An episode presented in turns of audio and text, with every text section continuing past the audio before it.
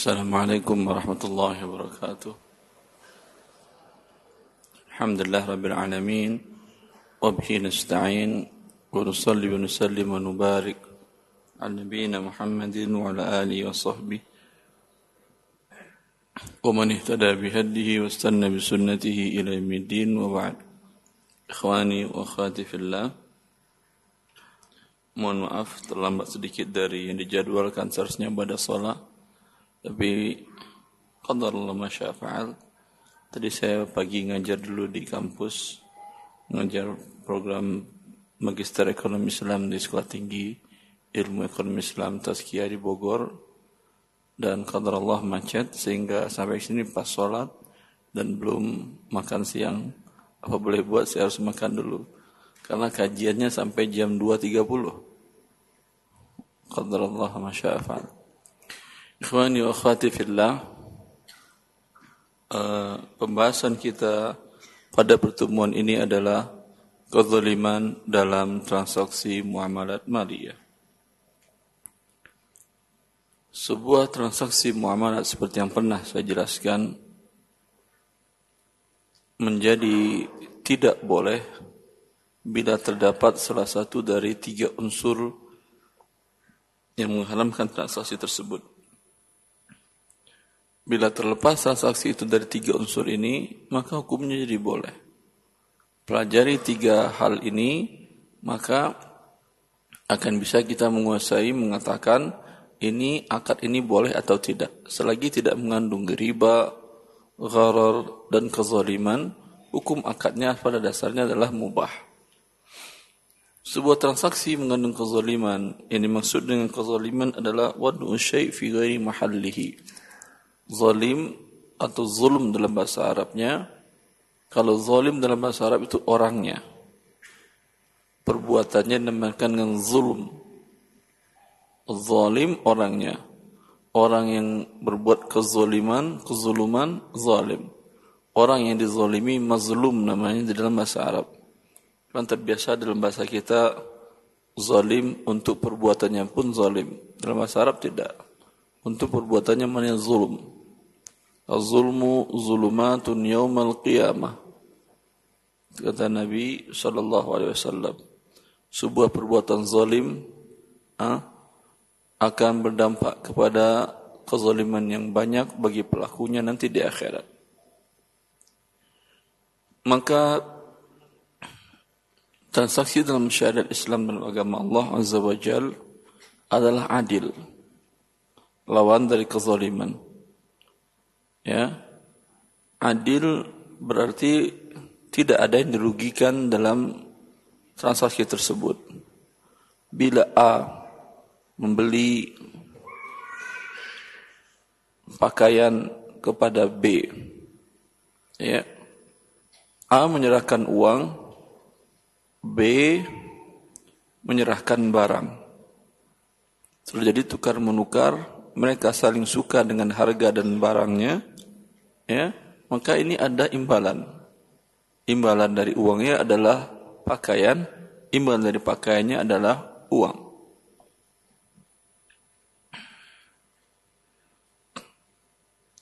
Maka kezaliman ini dalam transaksi tersebut ada dua secara garis besarnya seperti yang saya jelaskan dalam buku Harta Haram Memerat Kontemporer.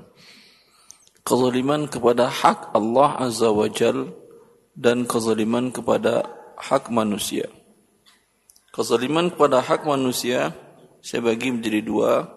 Ada kezaliman kepada orang banyak dan ada kezaliman kepada orang per orang yang terbatas. Walhasil dalam Islam haram kita berbuat zalim dalam transaksi walaupun dengan musuh. Siapa musuh Anda? Siapa? Musuh kita siapa? Syaitan ya inna syaitan lakum adu mubin kata Allah. Syaitan adalah musuh kalian. Tapi pernah Anda berjual beli dengan syaitan? Hah? Betul tidak pernah? Saya ragu. Saya yakin Anda pernah berjual beli dengan syaitan. Tapi dengan iblis mungkin tidak. Syaitan adalah nama setiap dari orang yang tidak taat kepada Allah. Ada yang dari jin, ada yang dari manusia. Syayatinil jinni wal ins, kata Allah. Syaitan-syaitan dari jin dan manusia. Yuhi ba'duhum ba'da. Saya enggak tahu dengan syaitan dari jin Anda mungkin berbisnis atau tidak. Tapi dengan syaitan dari manusia terkadang ada. Iya atau tidak? Baik. Walaupun dengan musuh, walaupun dengan orang kafir, ya, haram kita dilarang kita untuk menzolim mereka dalam transaksi. Ya. Ada sebagian anak-anak muda yang sedang belajar di luar negeri, kos dia atau sewa atau kontrak kamar atau ruangan orang-orang kafir di sana, ya. Dia bertanya, boleh enggak kita enggak bayar menzolimi dia karena dia musuh? Hah? Pertanyaan seperti itu pernah ditanyakan kepada para ulama di negara Arab. Jawaban mereka bahwa Allah Subhanahu wa taala merintahkan kepada kita. Firman Allah Subhanahu wa taala Kata Allah Subhanahu wa la yajrimannakum syana'anu qaumin ala alla ta'dilu dilu wa aqrabu littaqwa. Kata Allah, janganlah kebencian kalian kepada suatu kaum membuat kalian berbuat zalim kepada mereka. Tetapi berlaku adillah dan perbuatan laku adil itu lebih dekat kepada ketakwaan. Ya. Sehingga orang-orang kafir tadi bila melihat kaum muslimin bila berdagang, bila bertransaksi dengan mereka selalu jujur dan adil, kemungkinan mereka akan lebih dekat kepada agama Allah. Ada cerita yang saya pernah dengar dari salah seorang teman yang uh, menulis buku tentang tentang niaga. Kata dia ada salah seorang seorang Muslim yang berada di uh, Eropa saya lupa nama negerinya apa di Inggris apa di mana. Ya. Dia naik kendaraan bis angkutan umum. Kemudian tahu-tahu dia membayar ke orang yang pemilik kendaraan itu bayarnya double. Heran, heran orang itu, kenapa kamu bayar double? Kata dia, kemarin saya naik mau kendaraan Anda dan saya lupa bayar. Demi Allah saya lupa. Makanya yang tadi adalah satu bayaran bayaran hari ini, yang satu lagi bayaran yang lalu. Lalu dia bertanya, kamu agamanya apa? Setelah tahu saya nggak ada manusia seperti itu. Yang lupa ya udah. Hah? Ya udah gak bayar, udah. Dia mengatakan tidak. Agamaku Islam dan mengajarkan kepadaku hak manusia harus dipenuhi. Tidak dengan lupa kemudian haknya menjadi hilang, tidak. Tetap dibayarkan. Kezaliman secara garis besar, ada kezaliman dalam hak kepada Allah Azza wa Jal, ada kezaliman kepada hak manusia. Kezaliman kepada hak Allah Azza wa Jal, ya, seseorang tidak membayarkan hak Allah Azza wa Jal dalam hartanya. Seperti dia sudah wajib zakat, sudah sampai nisab dalam perniagaannya dan juga sudah berlalu haul, ya. Tapi karena enggak belajar syariat Allah selama ini dia enggak berzakat. Ini dia kezaliman kepada Allah Azza wa Jal. Dan dalam masalah zakat, selain kepada Allah juga berkaitan dengan hak fakir miskin kezalimannya dalam zakat tadi. Maka suatu saat dia alhamdulillah sadar dan bertobat kepada Allah, hitung mundur zakat tahun-tahun sebelumnya yang tidak Anda bayarkan zakat dan bayarkan kembali. Karena ini adalah sebuah kezaliman. Ya, jangan mentang-mentang, ah dulu kan saya enggak ngerti agama Allah. Ngerti tidak ngerti Allah sudah wajibkan kepada Anda berzakat. Di dalam Al-Quran, di 81 ayat lebih Allah mengiringkan kewajiban zakat dengan kewajiban solat. Ya. Maka ketika anda sadar, ini kewajiban dalam harta berkaitan dengan hak orang. Kalau masalah solat hanya berkaitan dengan hak Allah Azza wa. Dia berkaitan dengan hak manusia, maka harus ditunaikan. Allah mengatakan walladzina fi walladzina hum fi amwalihim haqqum ma'lum lis-sa'ili wal mahrum. Dan orang-orang yang dalam harta mereka ada hak yang telah ditentukan. Untuk siapa? Untuk fakir miskin yang terkadang mereka meminta-minta dan terkadang mereka tidak mau minta-minta. Itu hak mereka di harta Anda. Jangan katakan ini uang saya, tidak. Bila sampai haul dan nisabnya untuk harta perniagaan namanya seperempat puluh dikeluarkan atau dua setengah persen, maka itu tidak anda keluarkan berlalu tahunnya yang dua setengah persen tadi hutang anda kepada fakir miskin. Jangan katakan udah saya bertobatnya sekarang sekarang aja tidak. Kecuali anda sebelumnya non muslim masuk Islam itu iya. Tapi kalau sebelumnya Muslim harus tahu syariat Allah Azza wa Jal. Ini kezaliman pertama. Kezaliman kepada hak Allah Azza wa Jal. Kemudian kezaliman pada harta tadi juga berbentuk dalam masalah haji. Haji diwajibkan oleh Allah kepada manusia. Walillahi 'alan nasi hajjul baiti man istata'a ilaihi sabila. Kata Allah merupakan hak Allah kepada para manusia bahwa siapa yang mampu mereka harus melakukan ibadah haji ke Baitullahil Haram. Apa ukuran mampu dalam materi? Mampu dalam badan dia bisa naik kendaraan umum. Bisa naik pesawat, bisa di sana melakukan rangkaian ibadah haji dan mampu dalam masalah harta dia punya harta untuk biaya berangkat haji. Sekarang kita katakan biaya berangkat haji berapa? 150 juta kan ya? Ya atau tidak? Hah? Kalau reguler berapa? 33, tapi kan ini nggak pakai berangkat kan ya? Hah? Kapan berangkatnya itu? Iya, 20 tahun kan nggak berangkat, namanya investasi namanya.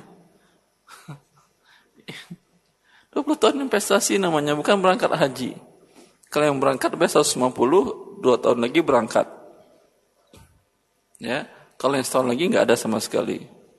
Kecuali Anda datang ke Arab Saudi dengan visa bisnis, itu bisa. Walhasil ini kewajiban kepada Allah. Anggap umpamanya yang bisa berangkat dalam 2 tahun 150 tak. Yang haji plus.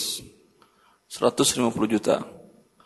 Anda punya harta aset, rumah, kendaraan, ya, yang dipakai ada. Yang sisanya ada rumah yang kedua, ada kendaraan kedua, lebih harganya dari 150 juta, ini wajib dijual jual, bayarkan berangkat ibadah haji. Karena kalau tidak Anda menzalimi hak Allah Azza wa Jalla dalam hal ini dalam harta kita. Ini kezaliman kepada hak Allah Azza wa Jalla. Kemudian kezaliman kepada manusia.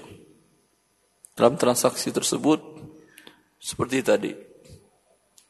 Di mana dia bertransaksi dengan seseorang menjual barang atau membeli barang dengan cara tidak berlaku adil.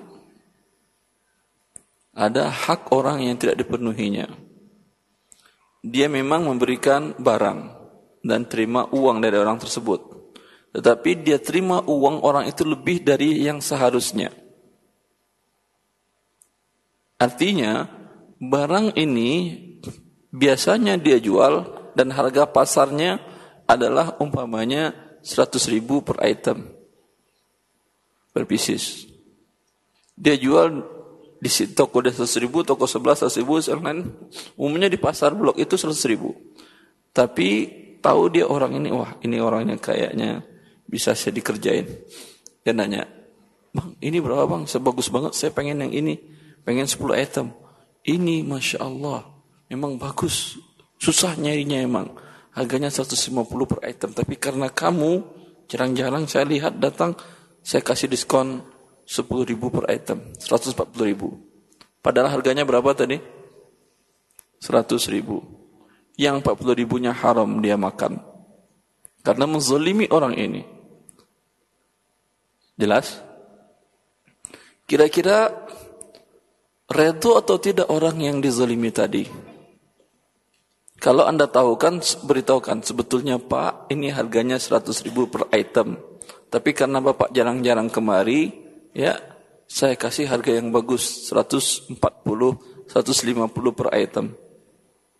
Redor dia beli apa tidak? Dia mau beli apa tidak dia? Pasti tidak. Ya kan? Maka selisih harga ini namakan dengan kezaliman. Haram anda ambil uangnya ini dalam syariat Allah subhanahu wa ta'ala ada seorang-seorang sahabat yang datang kepada Rasulullah sallallahu alaihi wasallam. Ya Rasulullah, ini ughban.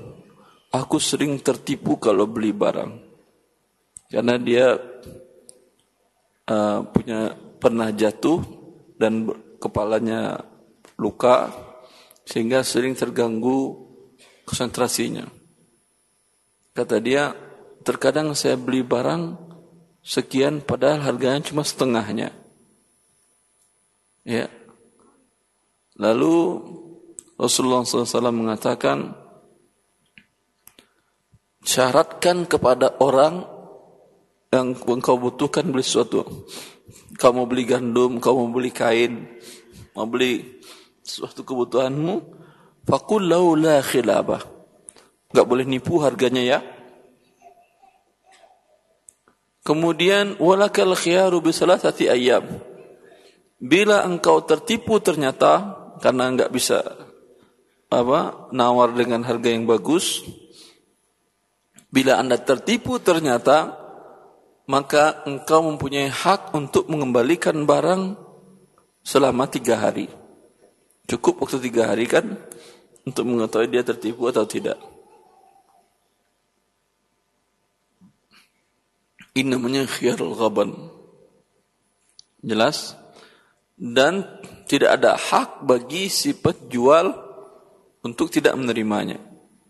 Wajib dia terima. Kalau tidak dia terima, mungkin di, di, di negara kita atau di pasar kita tidak ada badan atau pihak yang bisa menengahi, ya nanti di akhirat Allah yang menengahi, Allah yang mengadili.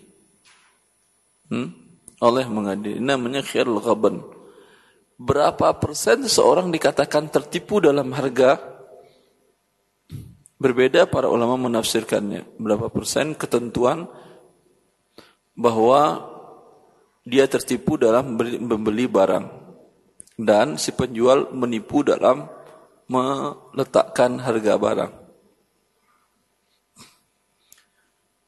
Sebagian para ulama dan pendapat ini banyak dipakai oleh para ulama yang lain dan ini pendapat Imam Malik atau Imam Malikiyah bila seseorang menjual dengan keuntungan dengan harga lebih 30% dari harga orang lain, dari harga pasar, dianggap tertipu. Seperti tadi.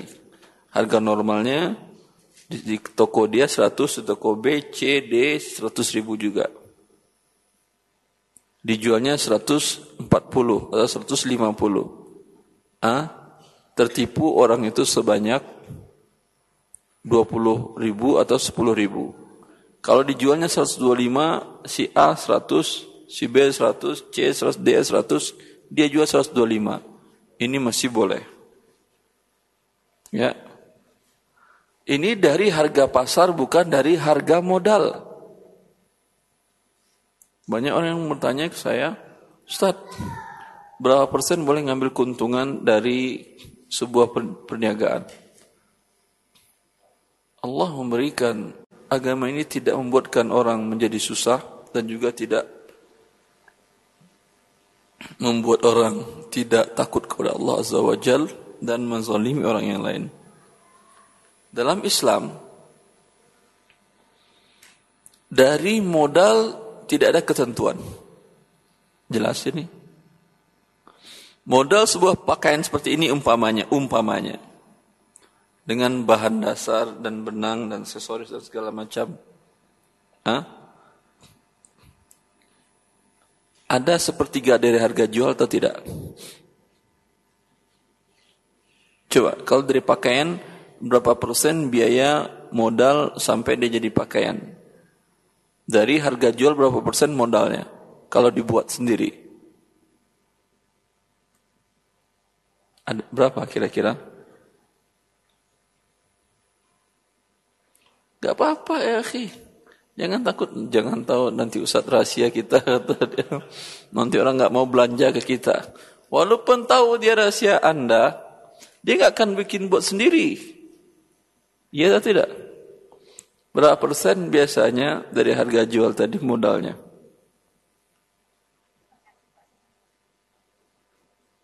Berapa? 60 sampai 80 persen itu biaya modal pembuatan. Oh, berarti dikit untungnya ya. Cuma 20 persen.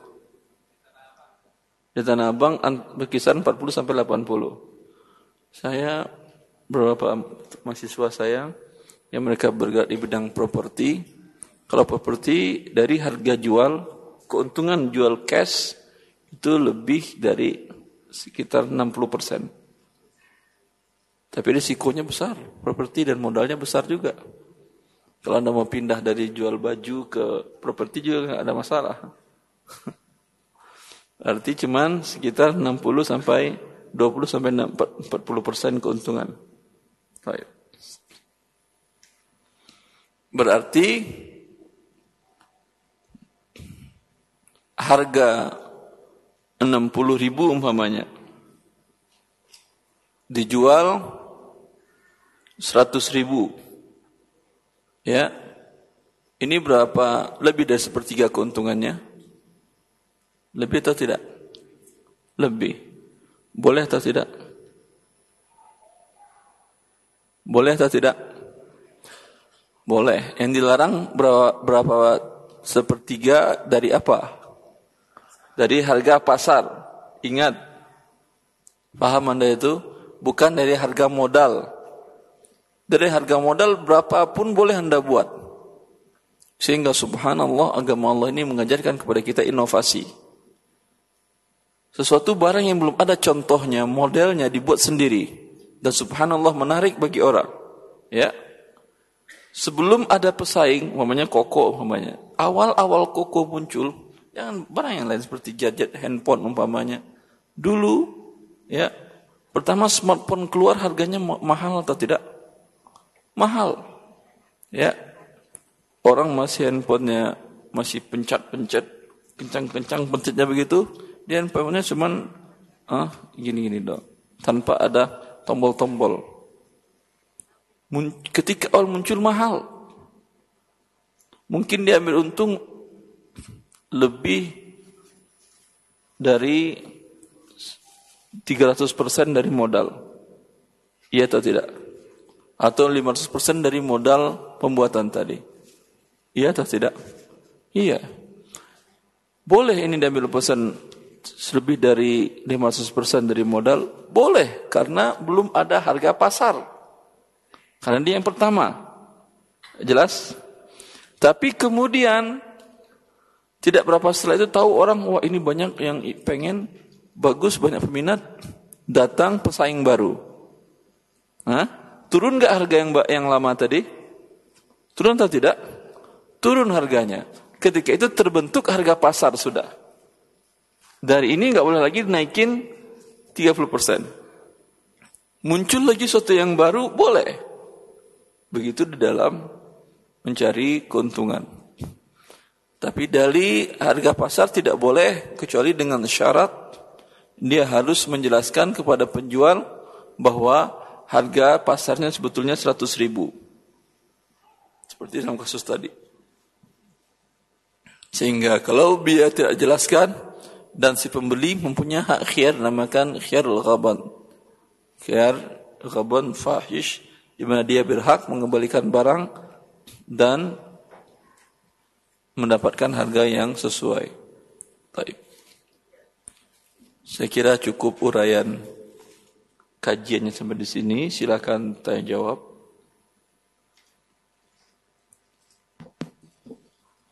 Untuk ikhwan yang bertanya, silakan ambil antrian di sebelah sini. Assalamualaikum Ustaz. Assalamualaikum uh, Di Tanah Abang ini kan yang paling banyak pedagang muslim menjual pakaian muslimah Ustaz. Uh, naikin, mic-nya naikkan sedikit biar jelas. Uh, uh, seperti yang dua, dua pertemuan sebelumnya ada seorang ikhwan yang uh, Ustadz larang menjual pakaian yang ada motif bunganya. Jadi ikhwan tersebut akhirnya kan menjual seharga modal.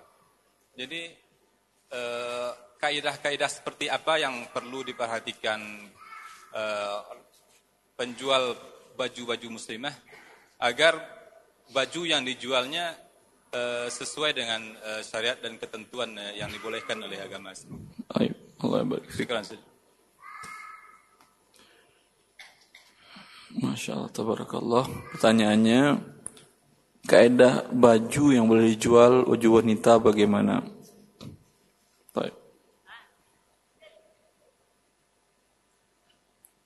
Kalau desain baju tadi adalah desain baik laki maupun perempuan didesain untuk di rumah pakaian dalam ya itu tidak ada kaidah syar'inya. Terserah. Seperti umpamanya bagi laki-laki celana pendek atau pakaian dalam. Hah? Bagi perempuan daster dan lain-lain pakaian dalam itu tidak ada kaidah syar'inya. Silahkan jual walaupun ada kecuali kaidah syar'inya nggak boleh ada gambar yang bernyawa itu iya. Silahnya boleh karena dia pakaian rumah. Di desain rumah tidak harus menutupi aurat. Baik. Kalau untuk pakaian luar rumah ini berbeda adat istiadat kebiasaan. Kalau pakaian itu Anda jual ke negara, yang di negara itu perempuan tidak ada yang keluar rumah kecuali menutup tubuh keseluruhan. Seperti umpamanya di Arab Saudi, perempuan memakai namanya adalah jilbab. Jilbab tersebut atau bahasa sekarangnya mereka namakan abaya abaya tersebut menutup sampai kepala dari sini sampai ke bawah kaki. Jilbabnya namanya. Pakai apa? E, kancing di tengahnya atau pakai sleting di tengahnya. Ini kalau Anda datang orang beli untuk pakai wanita dijualnya di Arab Saudi. Seperti apa pun pakainya silakan jual, yang penting tidak ada gambar makhluk hidup tidak gambar hewan segala macam. Karena mereka di sana tidak mungkin pakai ini keluar rumah. Jelas? Tidak mungkin memakai pakaian ini keluar rumah.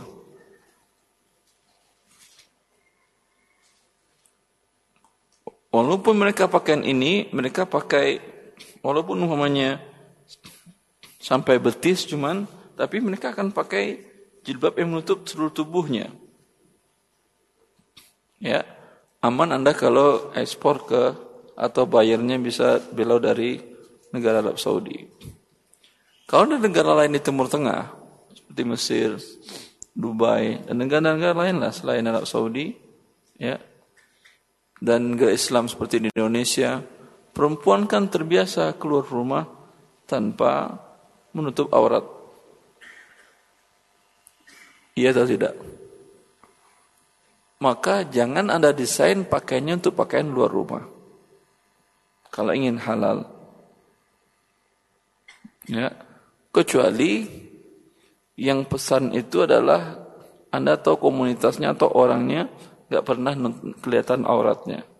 Dia datang kepada Anda belanja pun pakai untuk aurat, pakai cadar terkadang, terserah dia pilih yang mana terserah. Karena nggak bakal dipakai dia keluar rumah. Jelas? Tapi kalau yang datang kepada Anda, beli barang Anda tadi, kebanyakan wanita muslimah yang tidak pakai uh, menutup aurat, ya otomatis pakaian Anda ini akan dipakainya untuk di luar rumah. Ya, maka Allah Ta'ala alam, ini tidak boleh Anda jual kepada dia. Wabillahi taufiq.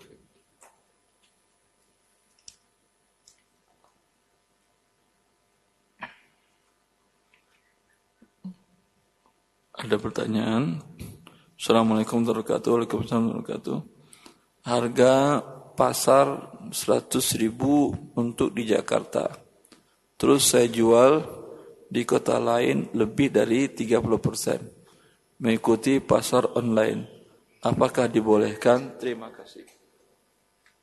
Yang dimaksud dengan harga pasar itu di mana Anda menjual atau membeli maksud saya. Kalau Anda pindahkan ke kota lain, tentu harga pasarnya bukan harga pasar di tempat Anda membeli. Ya. Seperti di Tanah Abang, harga pasarnya per item 100 ribu. Anda bawa ke Irian Jaya, harga per itemnya 1 juta. Halal atau tidak? Halal. Hah? Bukankah harga sebagian hasil hutan ada namanya harga kayu yang mahal di dunia namanya kayu gaharu. Di dalam hutan gratis. Ambillah. Ya ada gaharunya yang bisa dibakar harum itu. Di Arab Saudi Anda bawa jual ke sana. Kalau di bulan Ramadan per kilonya bisa 3000 dolar US. Berapa berarti sekilo? 30 juta. Bisa ngambilnya di pedalaman Irian Jaya. Bawa, tapi jangan banyak-banyak. Kalau banyak-banyak Anda bawa nanti tangkap polisi. Bawa dikit-dikit, dikit. Halal itu halal. Jelas? Yang dimaksud adalah harga pasar. Untuk di mana dia ada. Dan berbeda juga toko A dengan toko B dengan biaya operasionalnya. Toko A dia kontrak rukonya karena tempatnya strategis mahal. Ya. Tentu seperti beli umpamanya air mineral. Ada beli air mineral di tempat umum biasa umpamanya kalau di Arab Saudi umpamanya satu real. Tapi kalau Anda beli di Mina atau di Padang Arafah Nggak ada orang jual air kan ya. Ada orang jual dikit-dikit harganya 6 real. Berapa persen? Kenaikannya lebih dari 500 persen. Tapi memang di sana tidak ada orang jual air. Berarti harga pasarnya harga pasar untuk di sana boleh halal. Tidak ada masalah.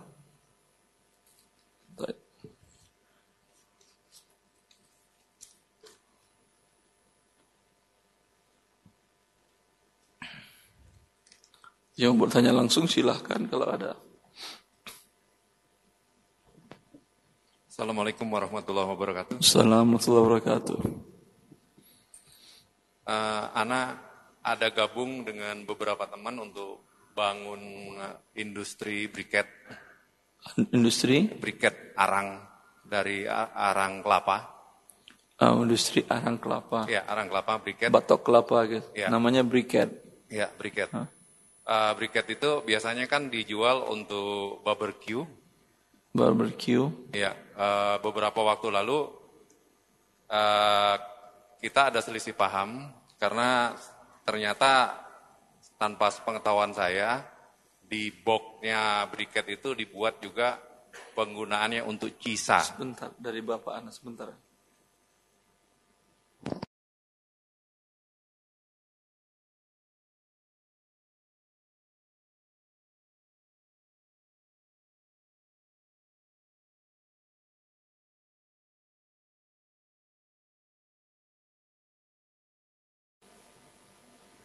Fadal Afwan. Silakan. Saya ulangi Ustaz. Ya, briket. Uh, ya, briket. Saya gabung dengan beberapa teman untuk bangun industri briket, pabrik briket. Uh, hmm. Awalnya produk itu dijual untuk barbecue. Barbecue. Ya, Alhamdulillah saat ini produknya 90% ekspor. Masya Namun beberapa bulan lalu eh, tanpa sepengetahuan saya karena juga saya nggak terlalu banyak operasional, campur operasional, di boxnya itu tertulis penggunaannya salah satunya untuk cisa, Apa? cisa, sisa yang untuk merokok itu. Oh, shisha. Iya, sisa. Ah. Ternyata juga eh, pasarannya memang rata-rata besarnya itu penggunaannya untuk cisa, bukan untuk barbecue. Nah, apakah itu diperbolehkan? Yang beli ke perusahaan Anda pihak shisha, Iya. Hah? Iya. dia bilang ini untuk shisha kata Iya. dia. Bilang dia nggak ada jual. Eh, saat ini teman-teman putusin ke sana, makanya Ana saat ini mundur. Mundur dalam arti kata Ana tidak ikut operasional.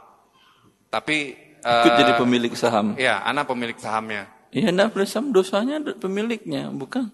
Kan Anda dosa sebagai pemilik, dosa pemilik, dia dosa sebagai dosa yang kerja. Anda yang pemilik tinggal pecat orang yang tidak mau, selesai. Masalahnya Ana pemiliknya kan rame-rame. Bikin perusahaan baru. Ambil cabut saham di sana. Oh, oke. Kalau mereka tidak mau sama-sama untuk mencari yang halal. Nah, untuk saat ini eh, Pertama ingatkan mereka, ya, apa gunanya kita dapat uang, tapi uang ini dengan produksi kita, barang produk kita ini membuat orang mati. Shisha itu lebih berbahaya daripada rokok biasa, karena dia pakai air, langsung masuk ke paru-paru.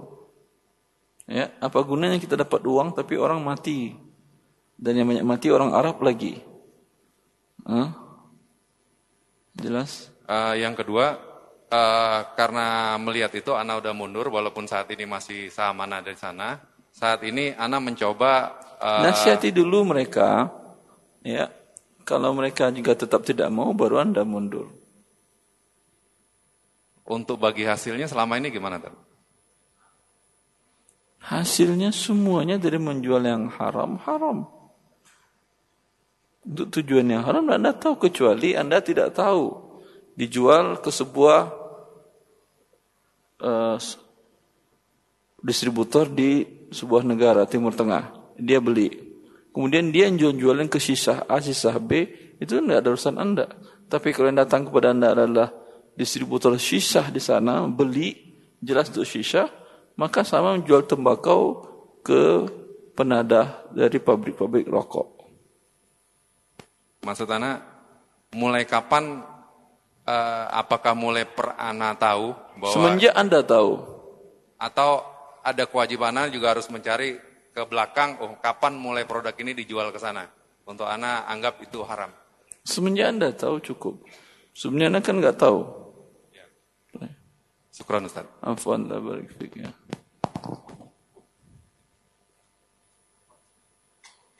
Selain itu, Allah. Akhwan, sebentar. Bukankah watak tempurung ini kegunaannya banyak, bukan hanya untuk sisya saja. Di Semarang ada beberapa ikhwan, mereka mendirikan perusahaan obat nyamuk. Ya. Bahan bakunya adalah tempurung. Mereka kesusahan mencari tempurung batok kelapa itu. Ya, katanya orang Sumatera doyan makan apa doyan santan ke sana mereka udah nggak ada. Maka mereka ngambil dari Sulawesi dan dari mana-mana. Karena untuk jual ke Cisa itu ternyata harganya jauh lebih tinggi daripada untuk yang lain. Obat nyamuk gitu. Sama aja tembakau lebih jauh tinggi dari untuk bunuh orang daripada untuk bunuh hama. Kan tembakau itu bisa untuk pestisida organik bunuh hama. Ya, tapi penggunanya sedikit harganya murah. Kalau ke perusahaan rokok lebih tinggi harganya. Sama dengan itu. Untuk bunuh orang harganya mahal, untuk bunuh hama harganya murah. Cukup saya kira ya. Tapi kalau ingin mencari yang halal, ada solusi yang lain. Silahkan ibu. Ibu-ibu yang bertanya. Akhwat yang bertanya silahkan.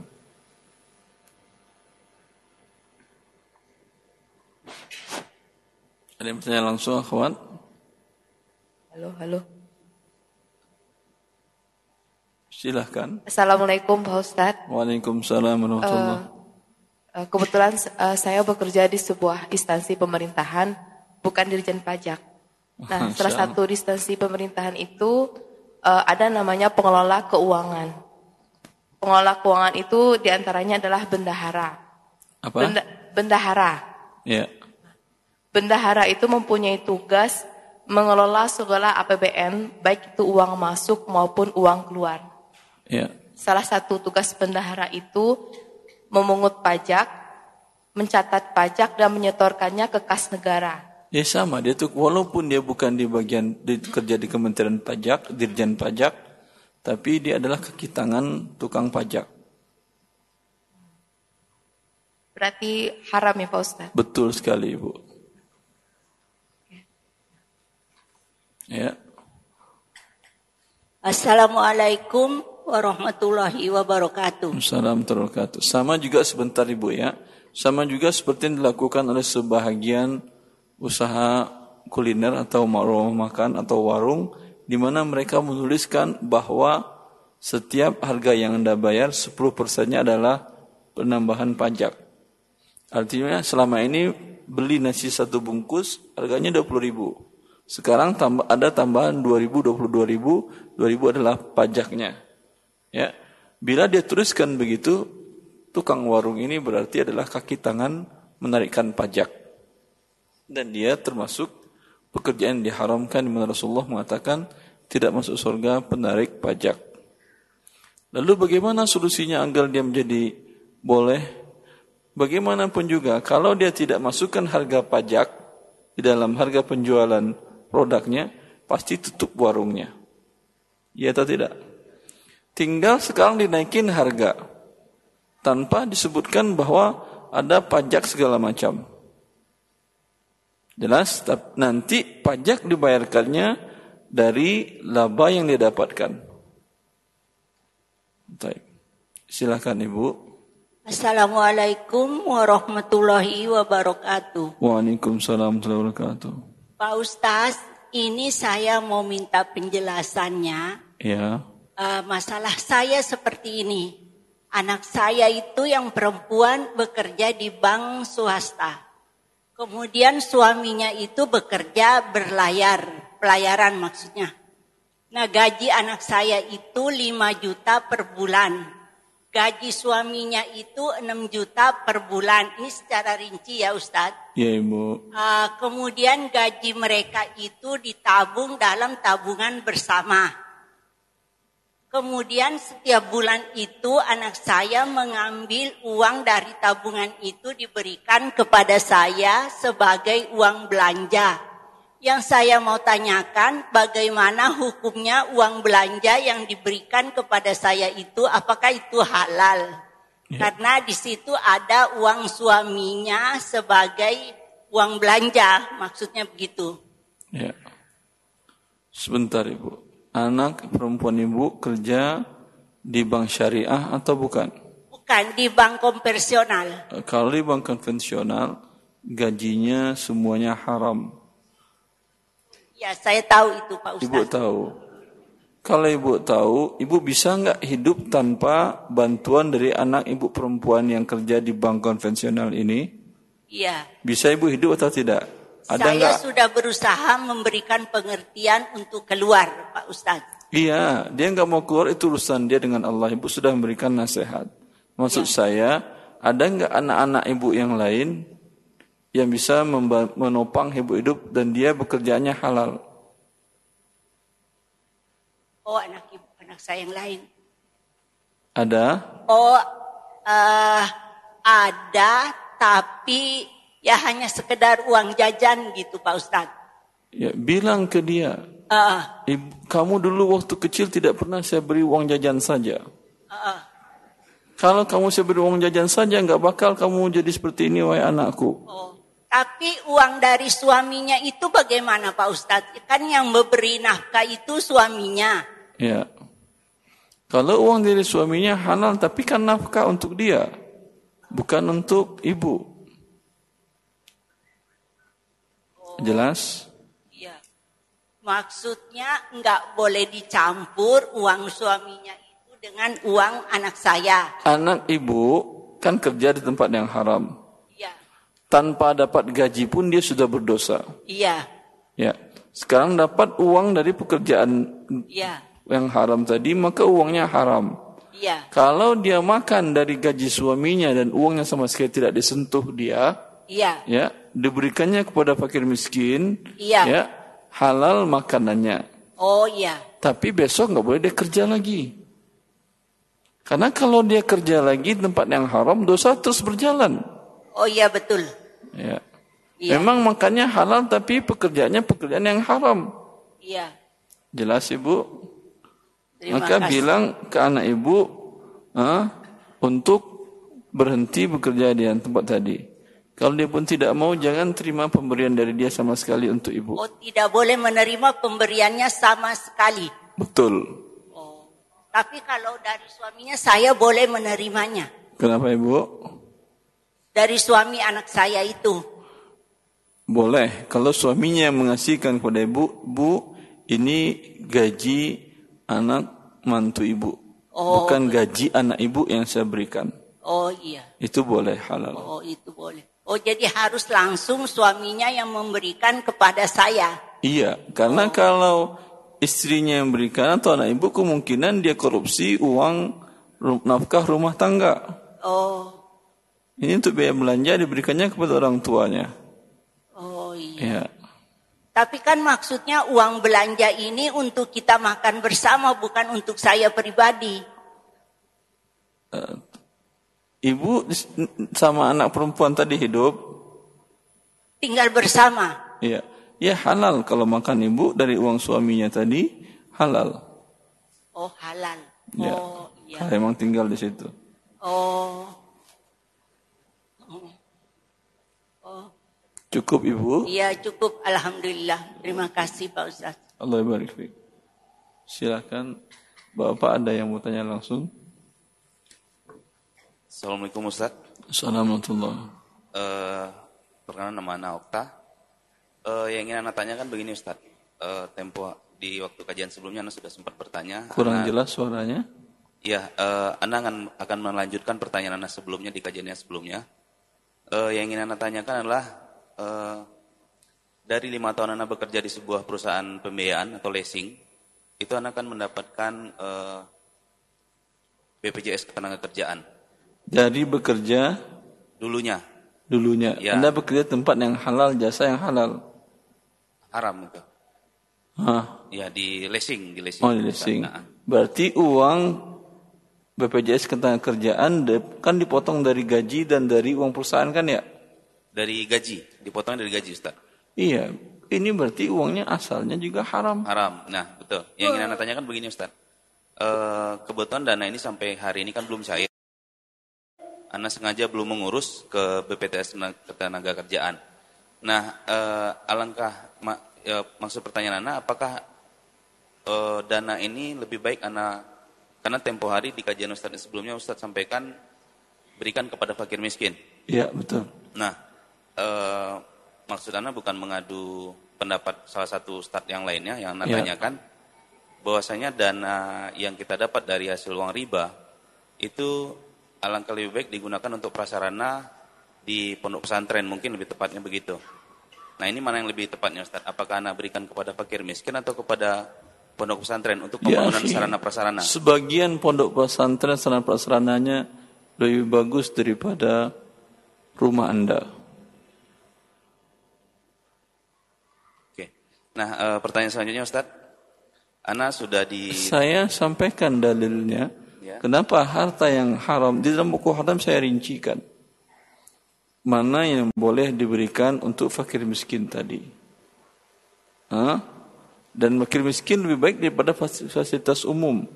Orang lebih baik diberikan daripada jembatan. Orang kalau dia tidak dapat kebutuhannya mati dia. Jembatan tidak anda bangun mati jembatan itu. Enggak dia memang benda-benda mati. Faham? Ustaz? Maka dalam sebuah hadis diriwayatkan oleh Abu Daud dengan sanad yang sahih bahwa Rasulullah sallallahu alaihi wasallam beliau mendapatkan kambing dihadiahkan oleh seseorang, tetapi didapatkan wanita itu membeli dari tetangganya kambing itu padahal milik suami tetangganya dan istri itu belum izin kepada suaminya. Berarti dia menjual barang yang bukan haknya. Ya. Ketika Rasulullah SAW tahu, maka kata Rasulullah SAW, saya enggak mau makan yang itu, tapi berikan kepada para tawanan. Tawanan itu adalah orang-orang miskin tentunya. Baik. Selanjutnya Ustaz ingin Anda tanyakan, Uh, di sini di Tanah Abang Anda sudah berusaha membuka usaha dagang selama 10 bulan kurang lebih. Dua bulan? 10 bulan. Ah, Masya Allah. Nah, uh, Alhamdulillah Anda buka dari bulan Maret, bulan Maret tahun ini. Bertepatan dengan di Idul Fitri kemarin Anda keluarkan zakat malnya. Nah, uh, apakah... Anda mulai Maret? Dari bulan Maret. Sampai sekarang sudah 10 bulan Mas. Anda keluarkan belum zakatnya? Sampai, uh, haulnya belum sampai artinya. Ya, terus? Nah, tetapi Anda sudah mengeluarkan zakat malnya di sebelum Idul Fitri kemarin Ustaz. Sudah sampai nisab atau belum? Uh, nisabnya narasa sudah sampai Ustaz. Berapa? Uh, modal dari modal anak awal itu modal toko 160 juta. 100? Eh, 170 maaf. 170. 170.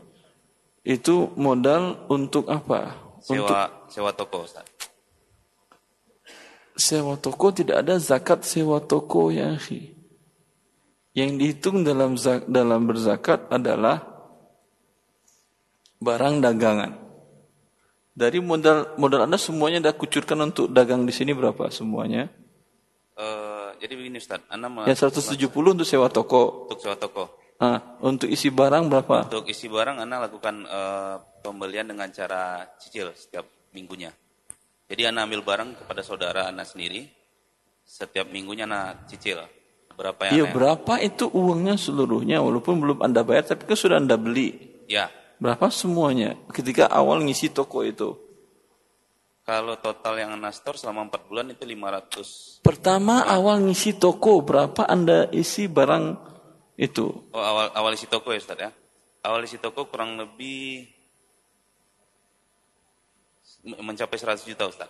100 juta isi tokonya? Ya. Ya, berarti ada nisab, ada sampai nisab. Ya. Ya. Cuma sekarang belum satu tahun. Ya Ustaz. Anda keluarkan sekarang nggak ada masalah.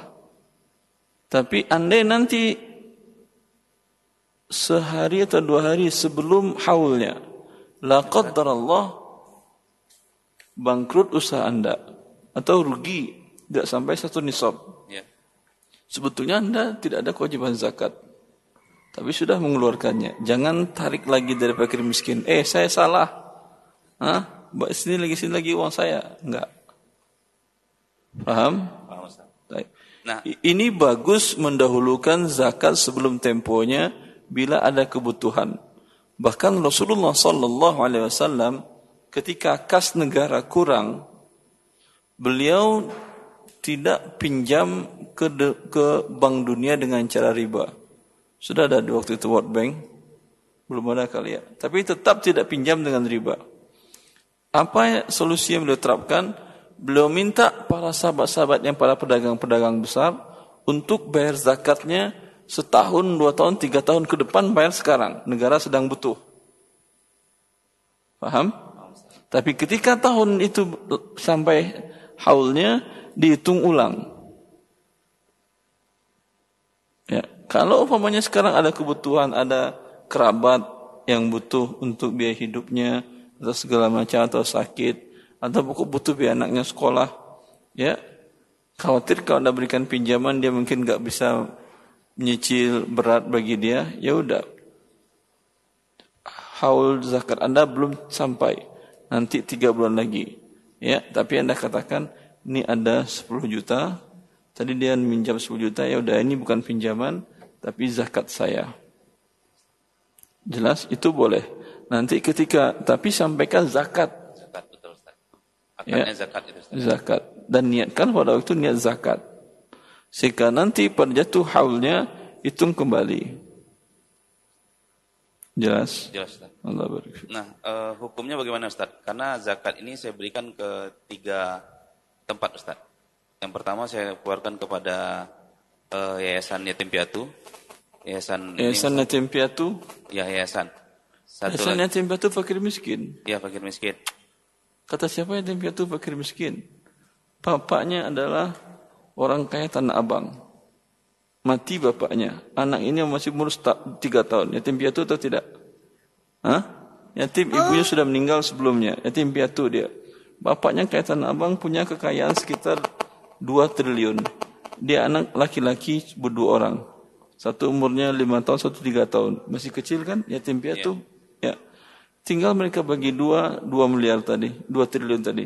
Satu triliun buat adiknya yang umur tiga tahun, satu triliun lagi buat kakaknya yang umur lima tahun. Lebih kaya daripada orang yang lengkap bapak, ibu, kakek, neneknya.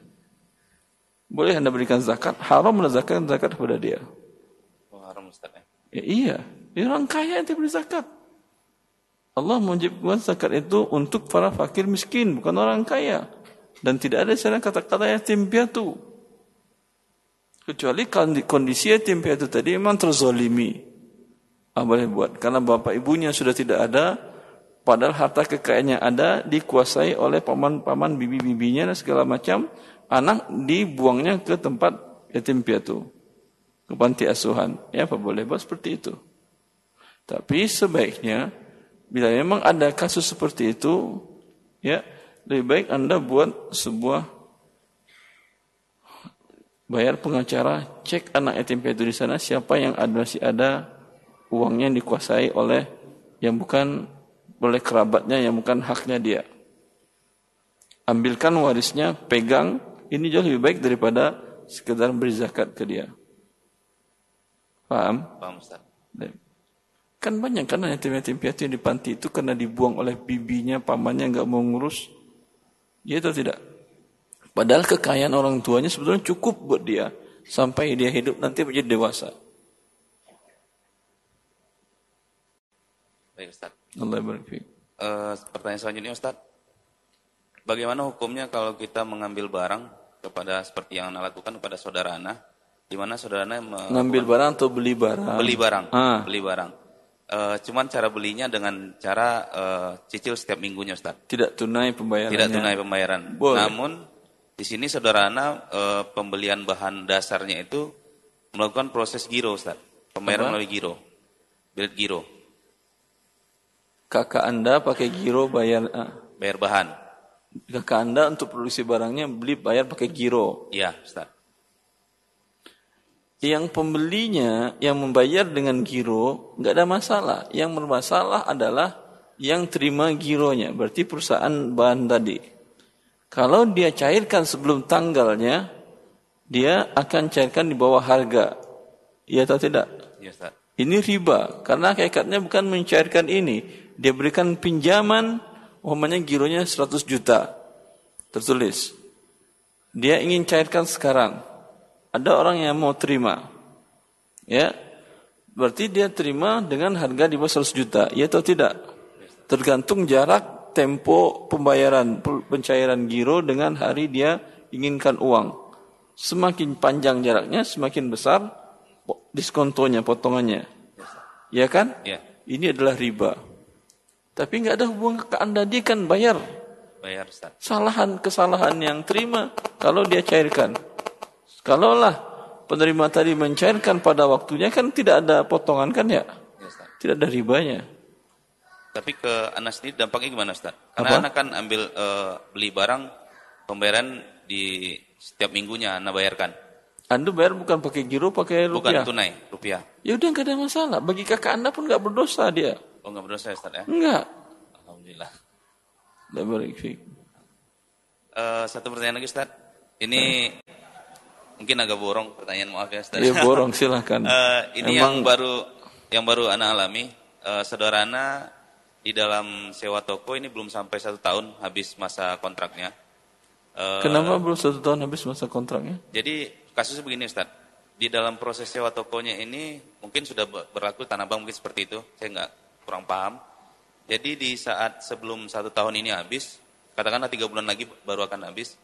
Ternyata eh, saudara Anda memang sebelumnya sudah diberikan eh, warning oleh si pemilik toko melalui agennya, bahwasanya ini toko mau diperpanjang atau tidak. Nah, dalam kondisi ini saudara Anas sedang berpikir Ustaz, apakah ini toko mau kita perpanjang atau kita cari uh, toko yang baru untuk pindah. Namun uh, dalam proses berpikir ini uh, si pemilik toko telah terjadi akad dengan calon pengontrak yang baru di toko yang ditempati oleh saudara Anas sekarang ini dengan harga yang lebih tinggi dibandingkan harga sewa toko yang diberikan kepada saudara Anas sebelumnya. Nah ini hukumnya bagaimana Ustaz? Apalagi Boleh, ini, tapi serah terimanya kepada pengontrak kedua setelah habis masa kontrak pertama. Seperti itu atau tidak? Hah? Karena habisnya ini katakanlah di bulan Februari nanti Ustaz. Kita belum ada akad mau perpanjang dan belum ada akad tidak akan iya, perpanjang. Iya, habis Februari Anda perpanjang atau tidak sudah tidak ada hak lagi. Ya betul Ustaz. Karena sudah dikontrakkannya ke pihak yang lain. Jelas? Jelas Ustaz. Hah? Oke, terima kasih Ustaz. Assalamualaikum warahmatullahi wabarakatuh. Salam, salam. Berarti yang dilakukan oleh pemilik toko bukanlah perbuatan dosa. Bahkan dia sudah menawarkan dari awal. Yang lain masih ada yang langsung? Silahkan langsung. Sudah Pak Ustaz, saya mau tanya. Iya Ibu, silahkan Ibu. Sebentar. Assalamualaikum warahmatullahi wabarakatuh. Saya seorang pegawai negeri, Pak Ustad. Kurang jelas, Ibu? Sekarang sudah pensiun. Jadi waktu Kurang saya, jelas pertanyaannya, Ibu? Uh, saya seorang pegawai negeri. Masya Allah. Terus. Sekarang sudah pensiun. Ya. Jadi mau pensiun itu ketemu sama teman saya. Kamu ambil gaji kamu semua. Iya. Lebih baik ambil bank bikin kedai. Bisa bisa untuk pusaka nak cucu. Gak saya ambil, saya ambil uang itu bank. Pelan-pelan saya nggak paham saya. Minjam bank. Ibu pensiun. Iya. Terus kata Terus meminjam bank jangka Apa? 10 tahun. Sebentar Ibu, pelan-pelan. Ibu pensiun PNS. Iya, iya. Terus Terus saya ketemu sama teman saya. Kalau Kata diambil teman... gajinya penuh, uangnya habis. Lebih baik diambil bikin kedai. Jadi saya termakan juga. Saya ambil, saya bikin kedai. Ibu Bisa, ambil apa? Uang di bank pinjaman di bank. Pinjam bukan ngambil. Iya pinjam. Pinjam. Ya, pinjam, pinjam sekian bayar berlebih, ya kan? Iya. Nah, pinjam jadi, 100 juta bayar 100 juta tambah bunga, ya kan? Enggak, di bank BP Bank Daerah Pembangunan Daerah itu punya bunga mungkin. Nah, gimana? Ibu pinjam berapa rupiah umpamanya nominal? Dulu tuh minjam 200 juta. Nah, berapa Ibu kembalikan nantinya? Potong pensiunnya 3 juta 600 lebih. Ya, sampai berapa Se lama dipotongnya? 10 tahun. Ya, 10 tahun ke 360, 360 ribu berapa berarti? Hah? 3 juta 600 lebih potongannya sebulan. Kali 10 tahun. Jadi 360 juta. 360 juta yang dipinjam? Yang dipinjam 200 juta. Iya kan riba namanya Bu. Iya, ta tapi yang saya tanya Pak Ustadz. Apa? Saya mau saya tanya, sekarang saya kan sudah terjadi sudah dapat hidayah sudah, dari anak saya bilang kau itu riba. Iya, Jadi kalau kalau sudah lunas, kalau ada uang lunasi. Kalau tidak bisa, diansur sampai lunas, jangan ambil bank lagi. Apakah saya masih berdosa atau Pak Ustadz? Yang wajib Ibu bayar hanya pokok hutangnya. Diterima tadi berapa? 260. Eh, 260. Ya, jadi 260 sudah berapa Ibu bayar? Sudah lima tahun. Sudah... Hingga lima tahun lagi. Saya tidak sanggup melunasinya. Sebentar. Kan bayar dipotong di pensiun 3 juta 600. Iya. Ya. Itu untuk coba antum kalikan. 260 juta dibagi 360 itu berapa bulan?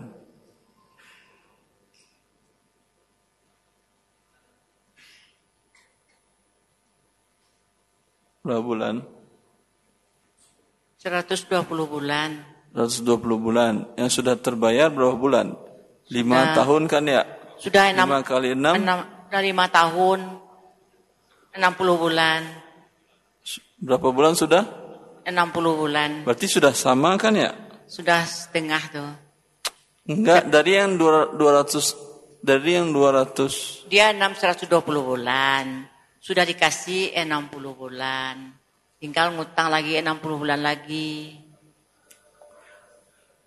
Pokok uang yang ibu terima 260 juta.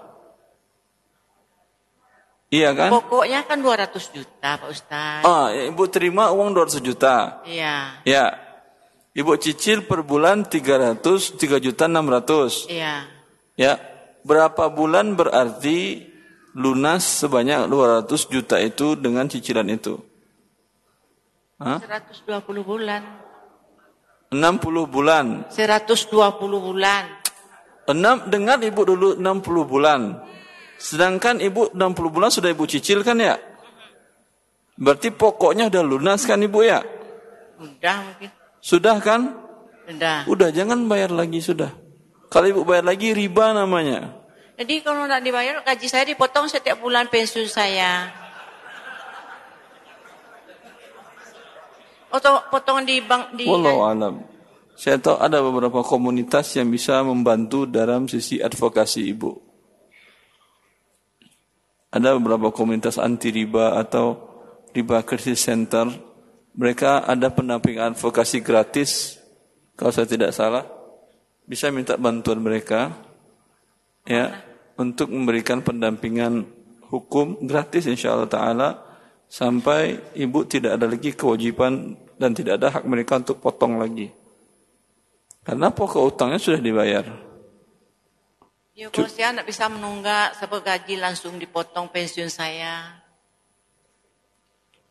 Sudah dengar jawaban saya kan Ibu ya? Cara solusinya, coba hubungin beberapa komunitas anti riba. Sampaikan kepada mereka kasus Ibu. Dan insya Allah mereka mungkin siap memberikan pendampingan advokasi dalam hal ini. Ya.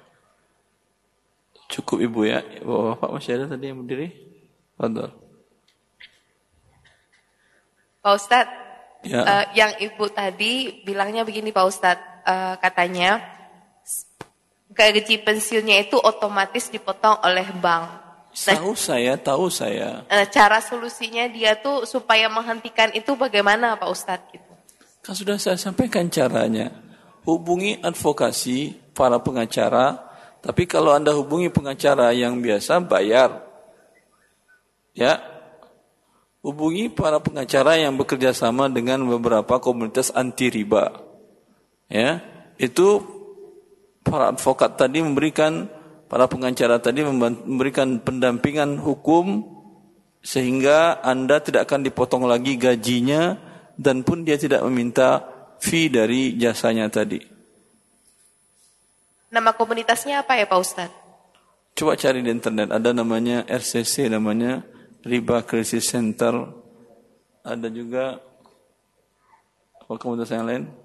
Komunitas Indonesia Bebas Riba ada Indonesia Bebas Riba IBR berarti ya. Ada beberapa komunikasi, ada beberapa. Waktu itu kalau nggak salah ada yang pernah hadir di sini di antara mereka kalau nggak salah saya. Hah?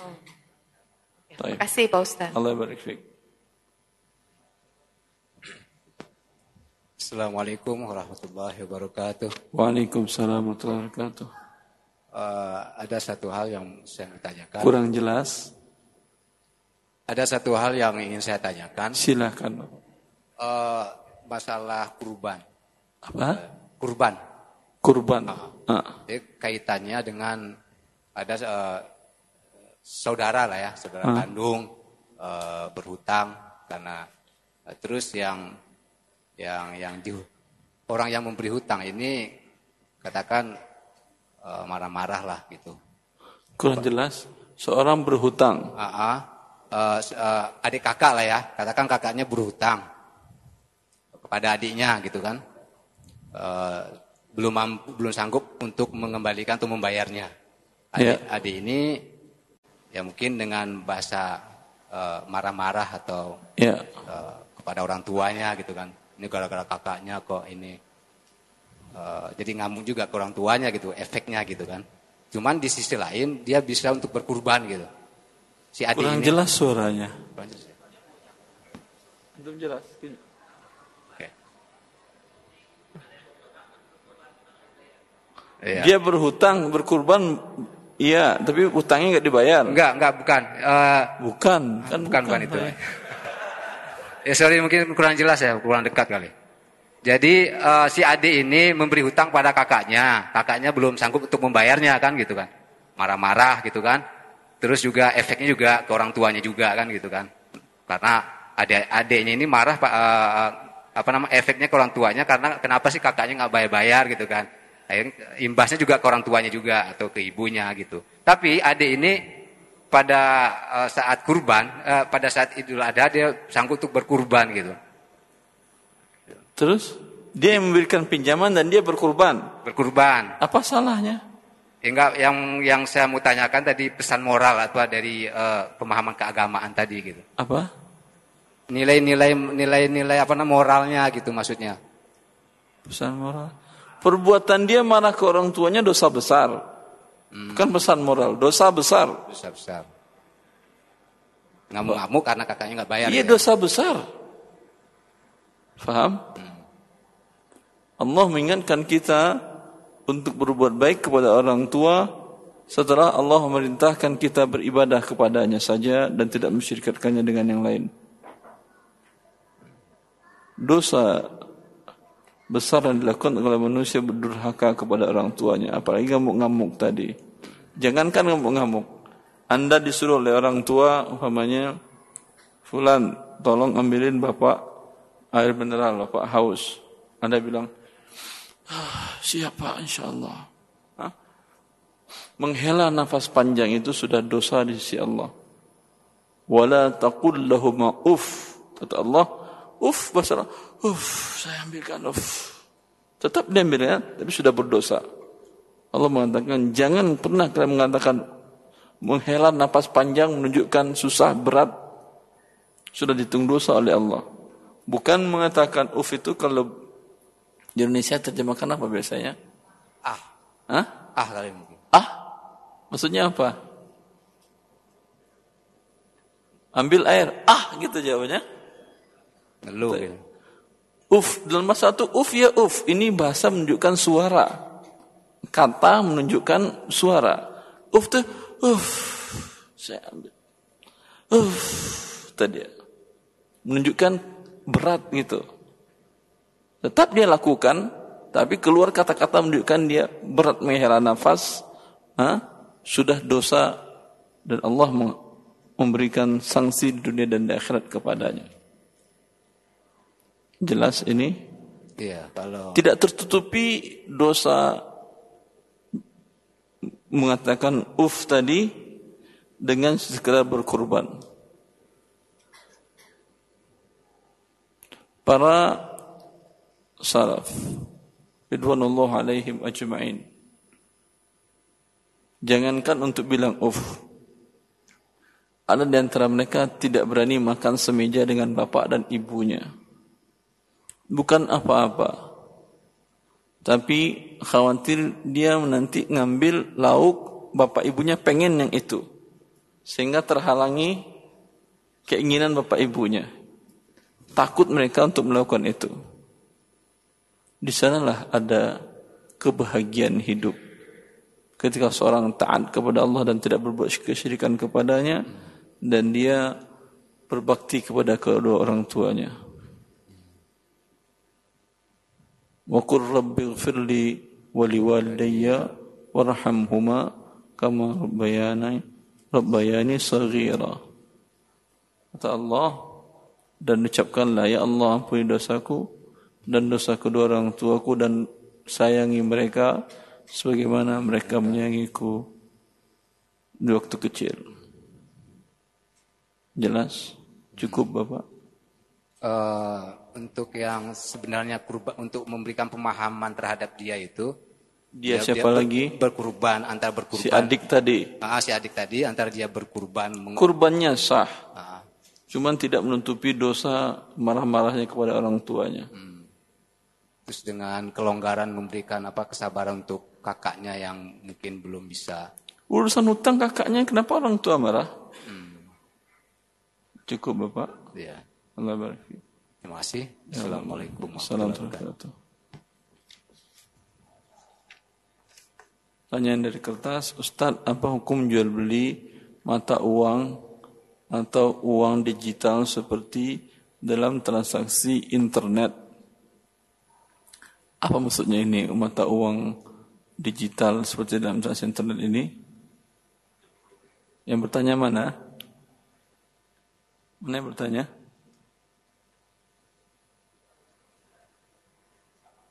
Dari Bibu atau sudah pergi orangnya? Bitcoin atau apa? Sebentar, saya jelaskan satu-satu mata uang atau uang digital. Kalau dimaksud dengan Bitcoin, ya, uang digital itu ada yang disimpan dalam chips, dalam chips, dalam kartu seperti e-money yang ada dalam yang dikeluarkan oleh beberapa bank atau toko retail juga ada mengeluarkan sekarang, ya.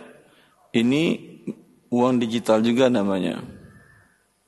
Ada uang digital itu adalah sekelompok komunitas kemudian mereka mengatakan saya punya uang anggap umpamanya 2 juta dolar Ter terhubung dengan serv uang ini berarti disimpan dalam server terhubung dengan komputer-komputer yang lain-lain dia mengatakan siapa mau beli uang saya Hah? Fisiknya ada atau tidak? Tidak ada. Kalau yang dalam chips tadi, dalam kartu plastik tadi, itu ada fisiknya karena diisikan dengan uang yang diserahkan. Ya atau tidak? Ya, berarti uangnya sudah dimasukkan ke dalam kartu ini. Ini ada fisik uangnya. Jelas? Kalau yang Bitcoin tadi tidak ada. Tidak ada fisiknya. Dan subhanallah, sekarang harganya dari awal awal satu bitcoin berapa harganya? 15 ribu sekarang harganya sudah 130 dolar US per bitcoin jutaan harganya sekarang ya yang membuatnya sampai sekarang tidak tahu siapa yang membuatnya ada yang namakan Katomi Takashi orang Jepang ada yang mengatakan orang Australia pembuatnya pun nggak tahu tapi orang di internet, di dunia maya terlalu gampang dibodoh-bodohin. Ya. Yang uang, kita sebagai muslim yang mengerti apa hakikat uang, uang dari masa ke masa, dari semenjak Allah menciptakan dunia ini dan sampai hari kiamat nanti yang uang adalah emas. Iya atau tidak? Tak pernah turun nilainya. Karena uang itu ukuran standar untuk menilai harga dan harga barang dan jasa. Kalau dinilai dengan rupiah, ha?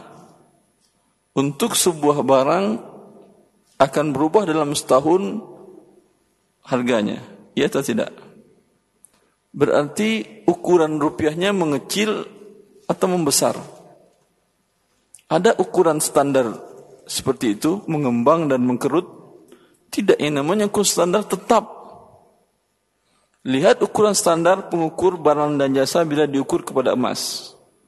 Bukankah Rasulullah SAW diriwayatkan dalam Bukhari dan Muslim beliau memberi uang satu dinar kepada Urwah bin Ja'ad al-Bariqi untuk beli seekor kambing dapat satu kambing dengan harga satu dinar. Sekarang setelah 1400 tahun lebih, 14 abad lamanya, dapat enggak dengan 4,25 gram emas satu ekor kambing? Hah? Dapat. Berubah enggak nilai uang tadi? Emas tadi? Tidak. Kapan pun waktunya tidak akan pernah berubah. Kenapa? Karena emas yang menciptakannya Allah. Sehingga Allah ma'adil. Tidak mau menzalimi siapa pun juga. Yang mengatur keberadaannya adalah Allah. Siapa pun mau mencari emas di mana pun, tidak akan dia temukan ladang emas baru sebelum kebutuhan manusia akan barang dan jasa tinggi. Selagi manusia segini-gini aja tidak bertambah banyak mereka, tidak akan ditemukan ladang emas baru. Tetapi ketika jumlah manusia banyak seperti tanda-tanda hari kiamat nanti, ha, akan ditemukan ladang emas yang baru dan banyak. Bukankah di hadis tanda-tanda kiamat? Kata Rasulullah, Sen Hashirul Furat. Sungai Efrat akan berkurang debit airnya. Apa yang muncul di waktu itu? Emas. Kenapa emas? Karena dia merupakan standar kebutuhan manusia akan barang dan jasa dan nilainya tetap. Maka seorang muslim dan seorang manusia yang cerdas dia tidak mau diomong-ambingkan. Di dalam lihat dalam kasus Musa dan Khidir puluhan abad sebelum Rasulullah sallallahu alaihi wasallam. Ya. Dikatakan di sana fa amma jidaru fa kana liwulaimaini yatimaini fil Madinah wa kana tahtahu kanzul lahuma. Musa dan Khidir melewati sebuah desa. Mereka dalam keadaan safar, perjalanan jauh dan kehabisan bekal. Maka mereka meminta kepada penduduk kampung itu untuk memberikan jamuan makan. Ternyata mereka tidak mau menjamu dua orang tamu ini. Ya, ini perbuatan buruk dari sebuah kaum itu. Namun kemudian mereka melewati sebuah rumah yang mau rubuh. Maka diperbaiki oleh Khidir maka Nabi Musa marah. Ini kampung jelek. Kita dalam keadaan safar minta dijamu makanan mereka tidak beri. Tapi kenapa engkau berbuat baik kepada sebuah kampung yang jelek? Kampung yang orang-orangnya adalah orang-orang tidak baik. Dijelaskan oleh Khidir, rumah ini milik seseorang, dua anak yatim yang ada di kota. Bapak mereka adalah orang yang soleh dan di bawah rumah ini bapaknya meninggalkan uang. Kira-kira uang itu apa? Bitcoin kah? Atau uang digital kah? Atau rupiah? Atau dolar? Atau emas? Pasti emas. Maka sebuah kebodohan kalau seorang bapak naruh dolar di bawah bantal di dalam tanahnya ini untuk anak cucu saya atau naruh bitcoin di bawah situ atau naruh imani di bawah situ nanti anaknya gali-gali ini bapak saya kakek saya bodoh banget dulu ya ini sekarang sudah nggak laku lagi yang kayak begini. Sekarang lebih maju lagi mata uang. Tapi kalau emas semaju apa pun mata uang, dia akan menjadi rujukan manusia. Bukankah setiap negara mencetak uang ada divisa emasnya? Ya atau tidak? Berarti mana yang uang emas atau uang kartal itu? Emas. Uang kartal hanya mewakili saja. Jelas anda ini? Allah Ta'ala Jangan nanti Anda dibodoh-bodohin oleh anak cucu Anda selanjutnya. Ini kakek yang bodoh meninggalkan ah, Bitcoin untuk cucunya. Kemudian pertanyaannya, apa hukum jual beli forex?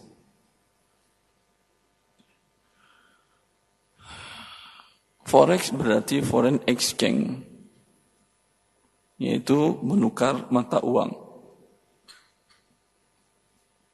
Pernah kita jelaskan persyaratan menukar mata uang dengan mata uang yang berbeda jenisnya.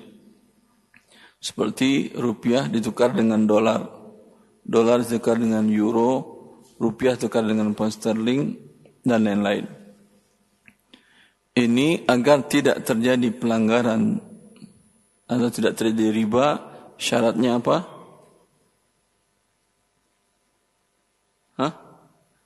tunai. Serahkan rupiah di majelis ini, terima euro di majelis ini. Serahkan dolar di majelis ini, jangan beranjak ke mana-mana, terima rupiah di majelis ini. Bila berpisah, diserahkannya euro, dia pengen rupiah.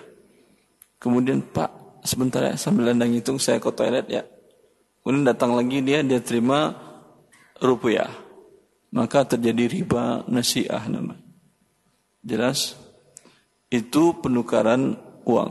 Kalau ini masuk dengan forex di sini adalah salah satu cara dalam jual beli mata uang di pasar modal. Ya. Kalau ini hukumnya haram. Karena yang terjadi adalah jual beli mata uang dengan tidak tunai. Ya Pagi dia beli dolar, kemudian dia sekian jam lagi dia tukar, kemudian sekian lagi dia beli lagi yang lain, dia beli lagi yang lain, dia beli lagi yang lain, tidak ada serah terima nanti di akhir rekat di akhir di akhir dia lakukan jual beli tadi direkapitulasi berapa rupiah yang dapat terima dia rupiah, berapa keuntungannya. Ya, ini adalah murni haram karena tidak ada serah terima dalam transaksi forex ini. Allah taala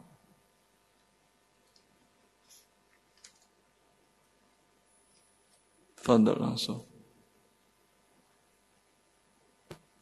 Assalamualaikum Pak Ustadz. Assalamualaikum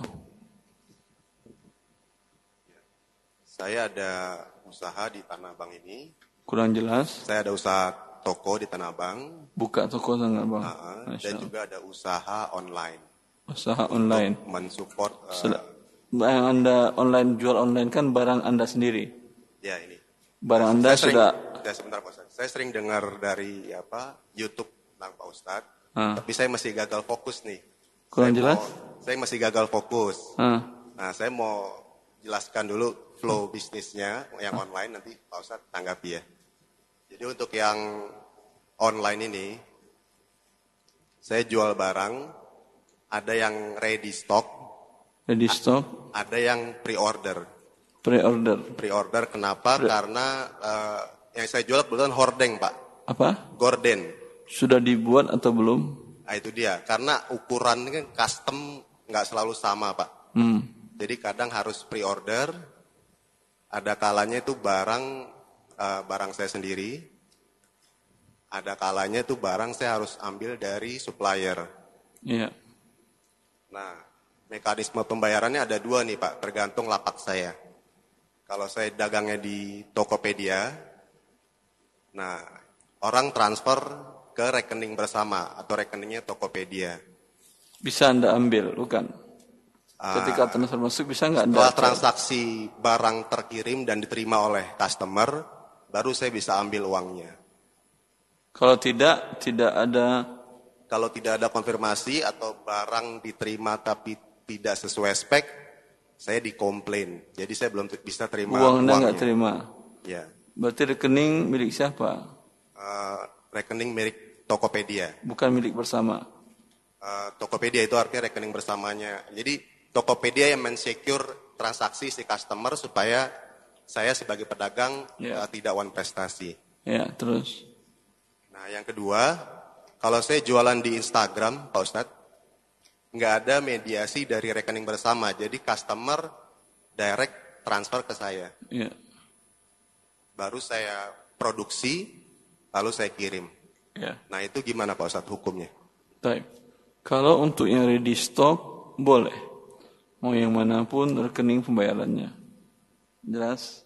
Karena Anda menjual barang, sudah Anda miliki, sudah ada. Kalau untuk barang yang di supplier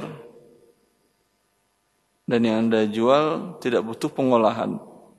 Butuh pengolahan Pak. Saya beli bahan, lalu saya harus produksi dulu. Jadi yang di supplier apanya berarti? Bahan, supplier bahan Pak.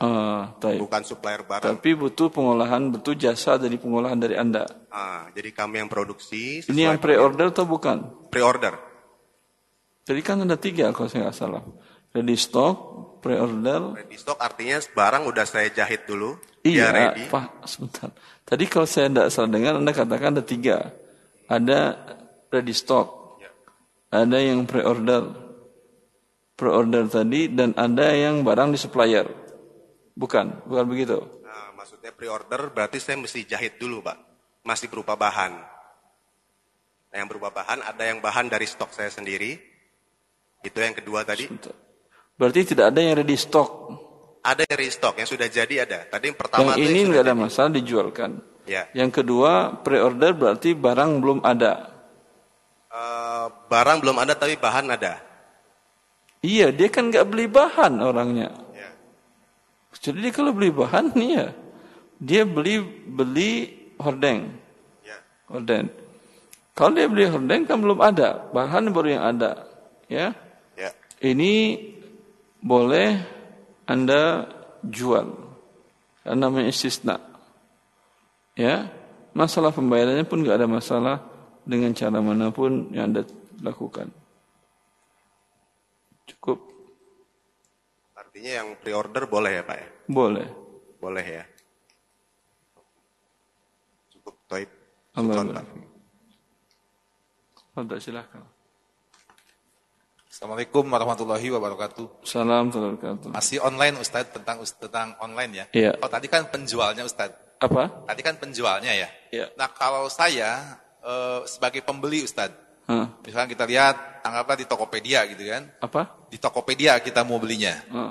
Nah kita kan nggak tahu tuh Ustadz barang itu dimiliki atau tidak gitu kan? E, apa si kan hanya ada gambar-gambarnya aja Ustadz. Oh kita suka ini, klik gitu kan? Nah masalahnya kita nggak tahu. Sebentar, subhan sebelum antum lanjutkan. Barang di online itu tidak bisa anda cek ada atau tidak Betul, barang iya. Dan tidak bisa anda cek barangnya asli atau KW. Iya. Saya buku harta haram saya oh, kemarin saya di Malang ada salah satu peserta pelatihan Ustadz saya kayaknya ragu Ustadz sepertinya yang buku yang saya beli di online ini dia sebut namanya Bukalapak Lapak si Fauji nama dia. Ah, saya beli dari dia Ustaz. Sepertinya saya ragu ini sepertinya dia bajak buku Ustaz. Saya lihat cetakannya, ya, karena cetakannya 16 dan covernya soft cover.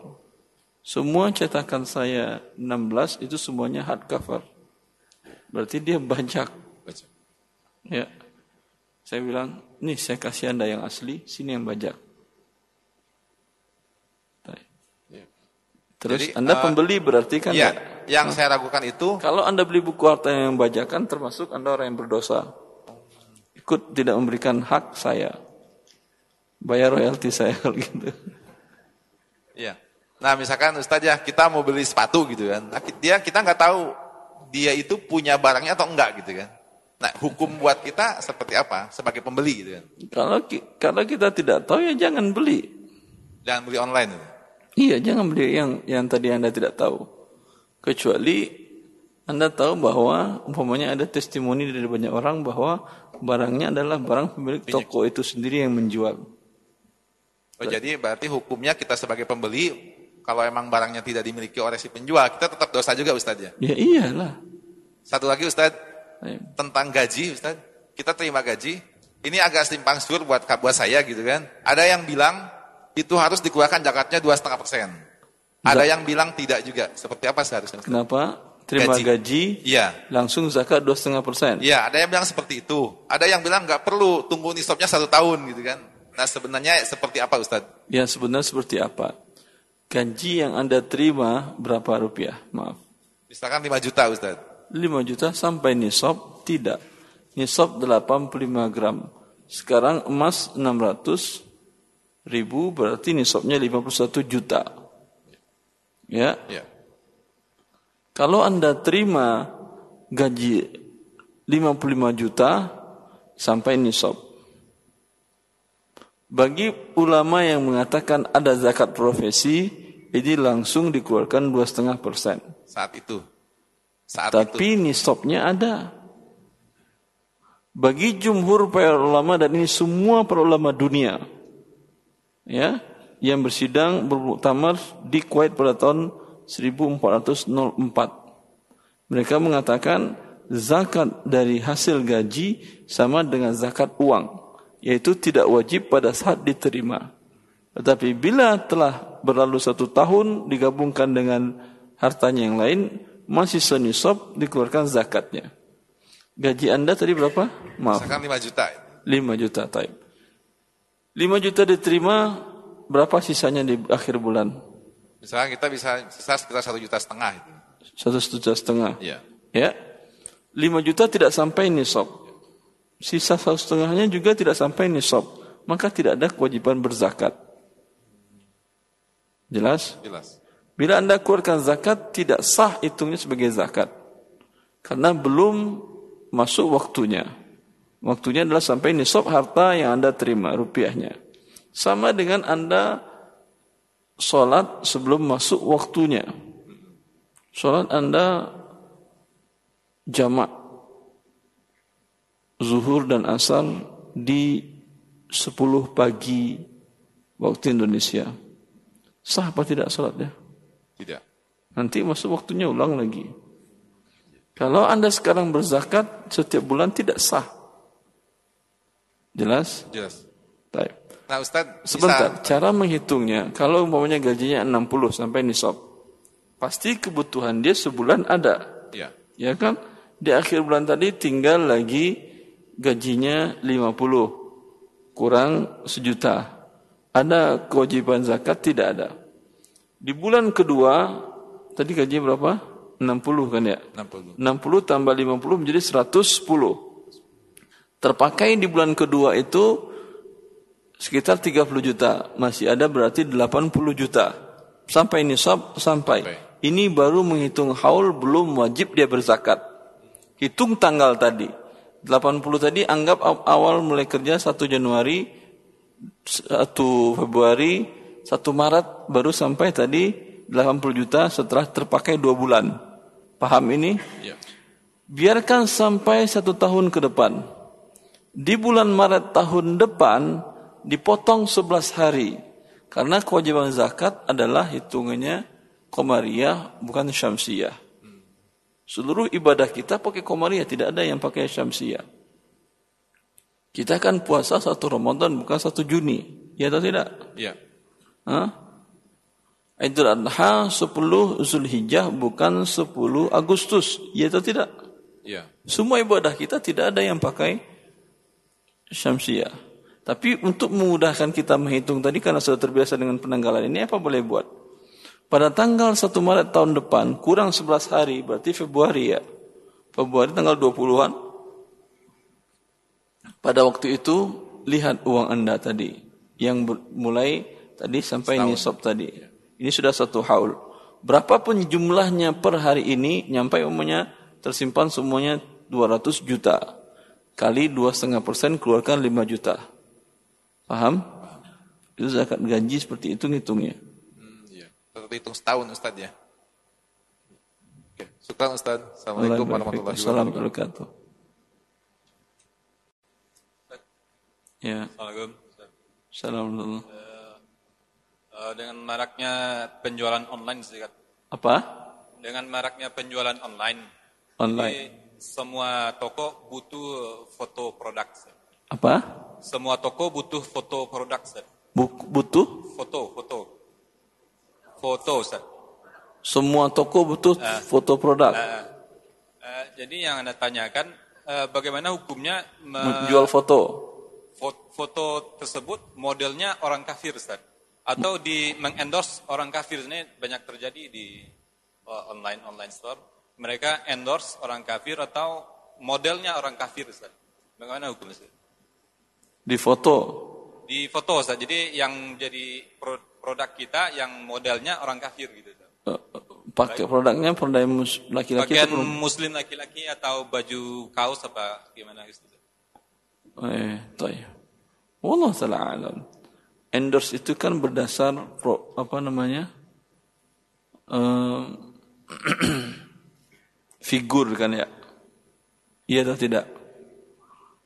Kalian difigurkan Anda tahu nih ini orang kafir ini banyak difigurkan orang. Anda bayar dia, maka Anda pada dasarnya halal. Tapi karena dia menjadi loyal, jadi difigurkan, maka Anda ikut membuat orang-orang muslim berdosa.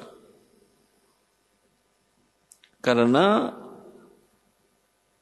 orang bukan mencontoh bajunya saja, gaya hidupnya semuanya gara-gara bajunya ya Anda pasukan di bagian bajunya, ada yang masuk bagian celananya, ada yang sepatunya, ada yang cincinnya, ada yang mobilnya semuanya ya. Ini menjadikan dia menjadi figur yang tidak baik. Sehingga semua orang mencontoh dia. Ketika dia bunuh istrinya, orang yang memfigurkan dia bunuh istrinya juga gitu kan jadinya kan ya. Karena figurnya bunuh istrinya. Ketika figurnya bunuh diri, dia ikut juga bunuh diri. Dan Anda berikan itu untuk dia dalam rangka tadi. Wallah ta'ala alam ini tidak halal. Jelas? Bismillah. Assalamualaikum Ustaz. Assalamualaikum. Ustaz tadi terkait masalah pre-order. Ya. Nah, jadi saya menjual gamis dengan sistem ada yang ready, ada yang pre-order. Kalau untuk pembayaran yang ready langsung, kalau untuk pre-order biasanya saya tarifin dengan uh, uang muka. Bagaimana hukumnya Ustaz? DP. DP untuk uh, pre-order. Pre-order boleh. Gak apa-apa ya Ustaz ya? Boleh. Alhamdulillah syukran Ustaz. Afwan Ibu. Sudah Bapak yang langsung? Bawa apa masih ada yang langsung? Saya baca dulu dari kertas. Apa benar Ustadz zakat dagang ada khilaf ulama uh, wajib atau tidak? Cara hitung zakat niaga bagaimana Ustadz? Khilaf para ulama tidak ada. Hanya ada satu dua orang ulama pendapat Ibn Hazm kemudian dipopulerkan belakangan oleh Syekh Nasruddin Al-Albani rahimahumullah wa jami' ulama al-muslimin. Tapi seluruh madhab para ulama fikih, madhab Hanafi, Maliki, Syafi'i, Hambali, semua mereka mengatakan ada zakat dari harta perniagaan. Maka satu orang mengatakan tidak, apakah kemudian anda jadi tidak bayar zakat gara-gara satu orang? Paham saya atau tidak? Hah? Semua para ulama mengatakan ada kewajiban. Satu mengatakan tidak ada kewajiban. Mana yang diikuti? Yang mengatakan wajib atau tidak? Bila ternyata sesungguhnya hukumnya wajib, Anda berdosa.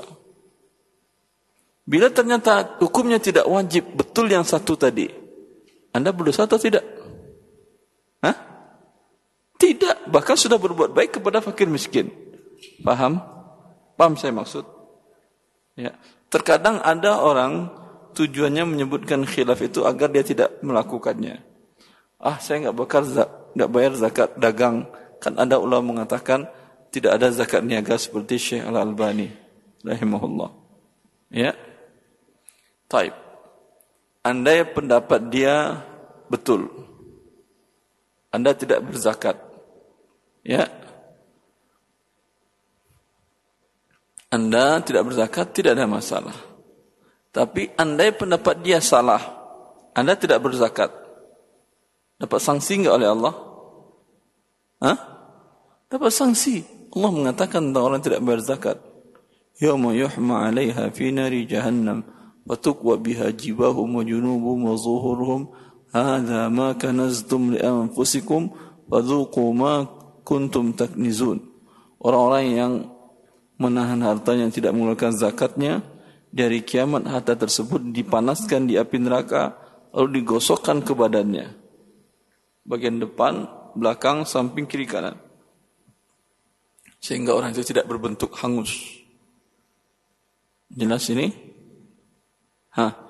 Andai pendapat mayoritas para ulama yang betul semua ulama mazhab mengatakan ada zakat niaga. Dapat ada siksaan. Andai anda ikuti pendapat ulama yang mengatakan bahwasanya ada zakat dan ternyata pendapatnya salah, anda akan disiksa Allah atau tidak? Hah? Siksa? Tidak, karena sudah keluar uang untuk fakir miskin. Paham?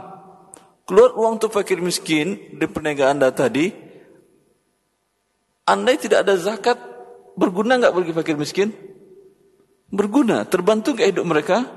Terbantu. Jangan-jangan dengan doa mereka Allah mengangkatkan seluruh dosa anda yang lain. Ya Allah, si fulan telah membantu hidup saya. Saya lagi tidak ada uang dan butuh dan beliau datang mengantarkan zakat niaganya.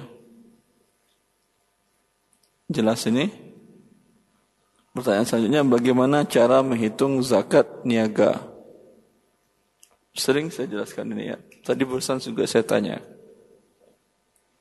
yang dihitung dari zakat niaga kan tadi ada yang bertanya tadi kan ya saya tanyakan semenjak kapan mulai usaha buat dan berapa isi harga barang harga pokok modal isi barang dagangan Muhammad kata dia tadi dia buka toko dan abang dengan sewa 170 juta yang sewa ini tidak ada zakatnya Karena dia bukan barang dagangan. Hah? Kecuali dia adalah properti sewa menyewakan. Dia sewa, dia sewakan kembali. Dia sewa, dia sewakan kembali. Ini zakatnya dari uangnya. Jelas? Tapi dia sewa untuk dia jualan barang kain di toko itu. Ini tidak dihitung. Yang dihitung adalah barang yang ada di toko yang untuk dijual. Dia butuh umpamanya uh, desain interior untuk ruangannya tadi, ada umpamanya gantungan-gantungan segala macam, ini juga tidak dihitung. Kebutuhan tadi ada sekitar umpamanya 30 juta. Ini tidak dihitung. Tidak ada zakatnya ini. Kemudian yang dihitung mana berarti barang yang ada ketika awal itu. Ketika awal itu ada barang yang dipajang, ada yang di gudang, ada juga di toko, di bawah segala macam, itu yang dihitung. Bagaimana cara menghitungnya? Adalah dengan harga pokok. Baik dia beli dengan cara ngutang ataupun dia beli dengan harga tunai. Kalau dia harga, beli dengan harga tunai, jelas harga rupiahnya. Hah? Dia beli dengan harga tidak tunai, juga jelas harganya. Jelas ini? Anggap umpamanya barang yang tokonya ada yang tunai 10 juta. Ada yang barang yang tidak tunai sekitar 42 juta. Berapa semua isi barang tokonya? Hah? 52 juta. Sampai nisab, sampai nisab. Ini berarti sudah hitung haul semenjak awal buka tokonya. Jelas ini? Kalau awal mulainya isi tokonya tadi, barang yang dijual toko tadi, kurang dari nisab seperti umpamanya baru 40 juta belum ha, nisab belum ngitung haul belum start belum mulai ngitung bulan kedua alhamdulillah untung. Dari yang tadi isi 40 sekarang sudah berisi dia sekitar 50 dan ada juga uang tunai untuk biaya operasional sekitar 10 berarti berapa semuanya? 60 sampai nisab sampai. Berarti hitung di bulan kedua ini start haul belum ada kewajiban berzakat. Bulan kedua ini anggap umpamanya tanggal 1 Februari.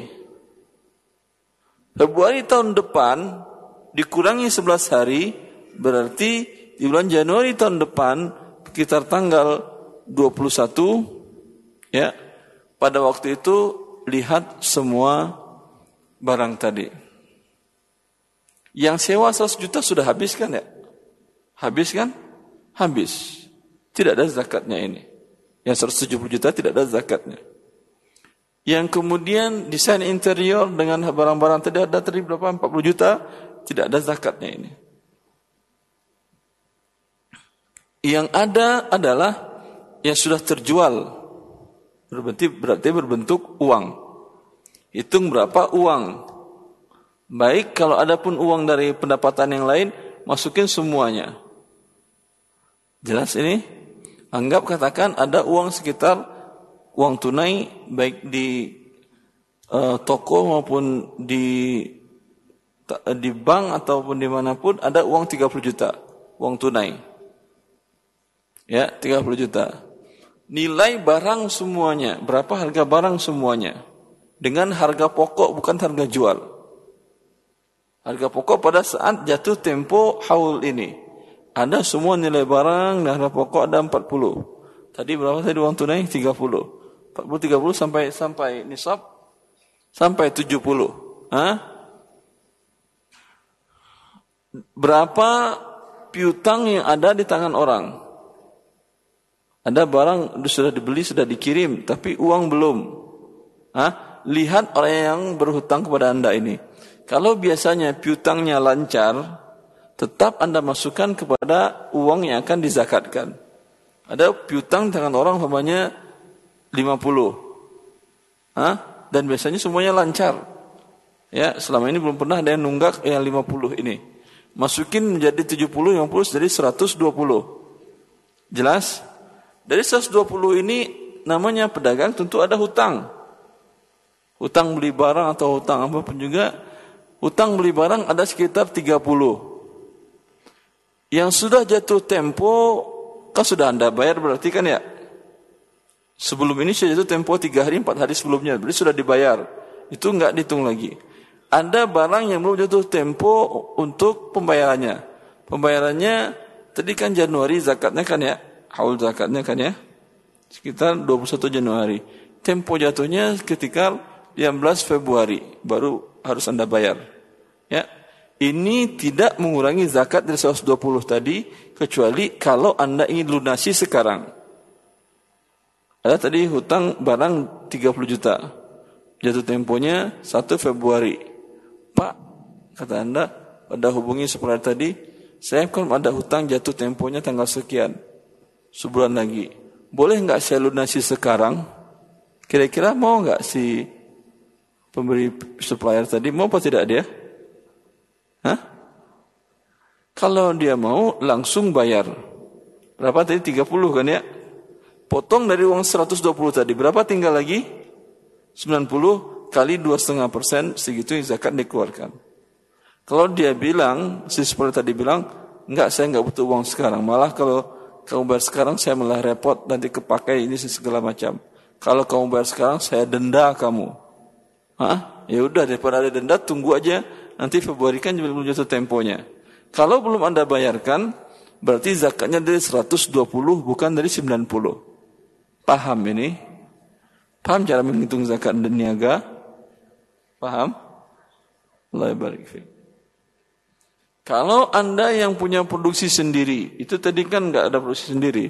Anda punya konveksi sendiri, ini ngitungnya ada barang yang sudah jadi, yang ready stock, ada barang yang setengah jadi, mungkin bajunya 75% jadi, ada sekian pieces, ada yang 50% jadi, sekian pieces. Ini dinilai seluruhnya dengan harga pokok pembuatannya pada saat jatuh tempo haul zakat tadi. Paham? Dengan harga pokok yang sudah jadi dengan harga pokok juga. Dan ada yang berbentuk bahan baku, masih berbentuk apa namanya? bahan kain. Ada yang masih berbentuk uh, kancing, ada bentuk benang sekian sekian lusin umpamanya. Ya, ini semuanya dihitung dengan harga pokok. Ini kan mau dijual nanti apa tidak? Dijual kan? Termasuk barang niaga ini. Tapi cara menghitungnya bagaimana? Tentu dengan harga pokok pembeliannya pada saat jatuh tempo tadi.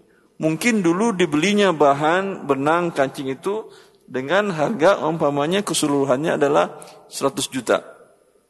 Sekarang ketika sudah satu jatuh haul tadi, barang tadi mungkin naik, mungkin turun, ya atau tidak? Kalau sudah tidak modelnya lagi, turunnya kan harganya kan ya? Berapa harga modalnya per hari jatuh tempo haul zakat? Kalau naik harga modalnya naikkan. Jelas ini? Jelas atau tidak?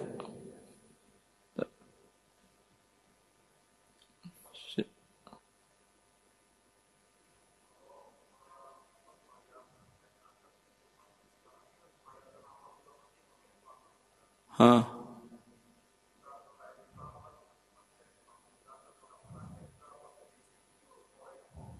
Pakai debit.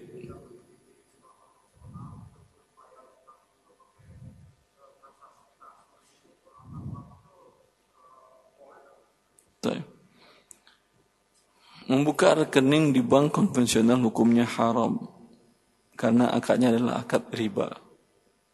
Ya. Tapi kita butuh banget Kan begitu kan ya. Kalau enggak bisa-bisa tutup usaha saya Ustaz. Ada atau tidak bank syariah dengan pelayanan yang sama?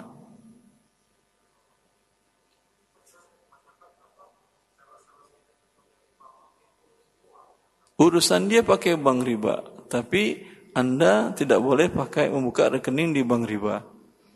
Anda buka rekening di bank syariah.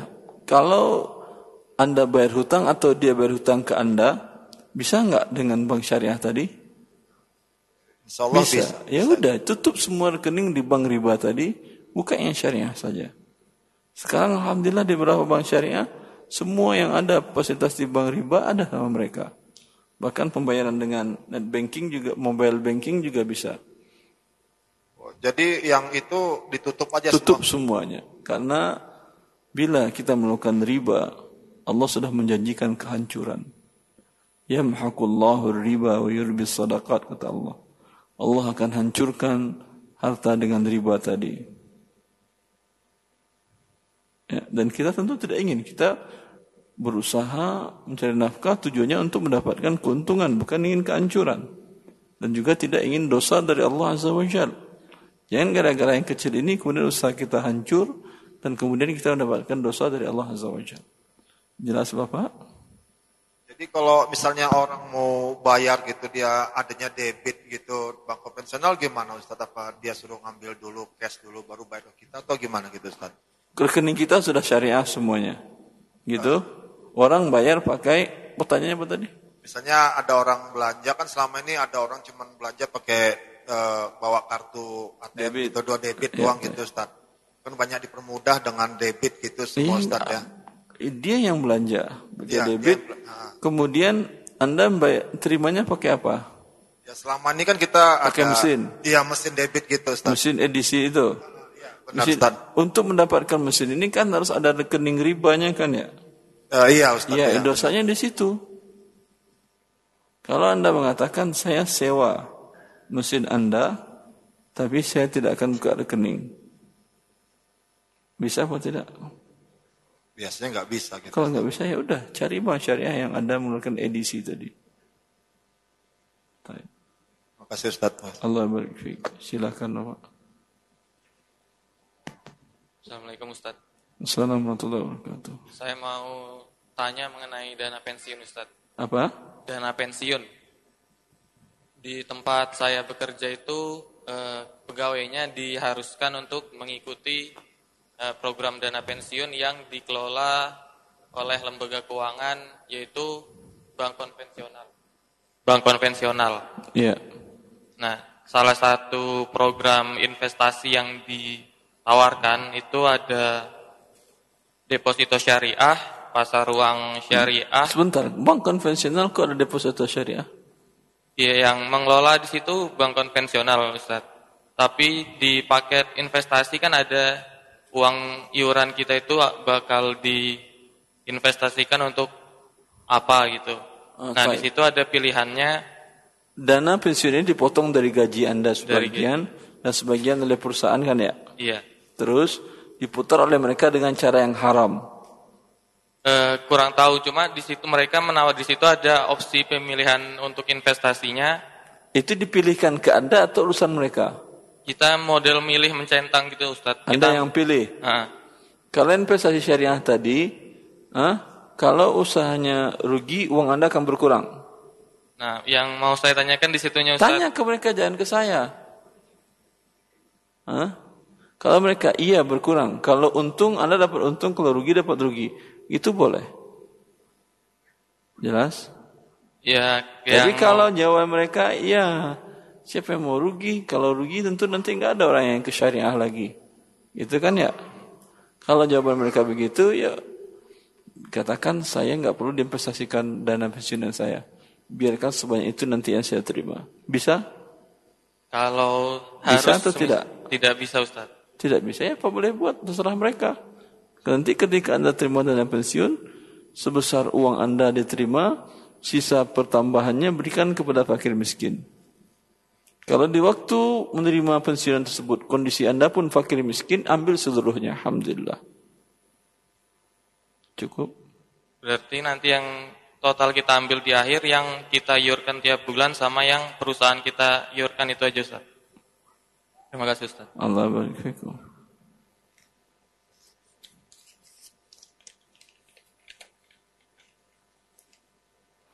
Selanjutnya hukum trading forex tadi sudah kita jelaskan hukumnya haram mengandung unsur riba dan judi. Bolehkah saya menjual produk yang sama di tempat yang berbeda dengan harga yang berbeda pula?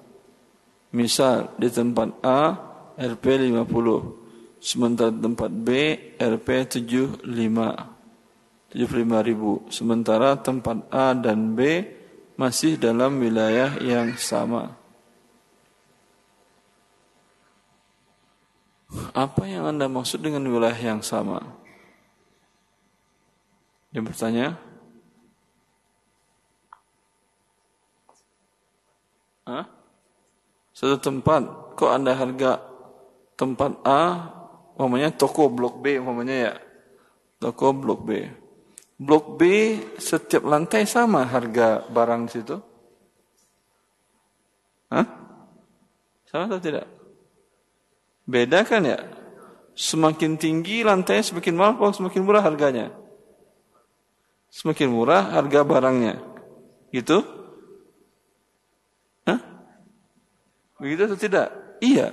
Berarti di setiap lantai harga pasarnya ada sudah. Di lantai bawah, di basement, ya harga pasarnya berkisar di antara 100, 110, 115, ada yang 98 juga jual sekitar itu harganya. Harga pasarnya. Ya. Kemudian di lantai B barang yang sama harganya lebih rendah. Di lantai 2 atau lantai 3. Jelas? Wallah ta'ala.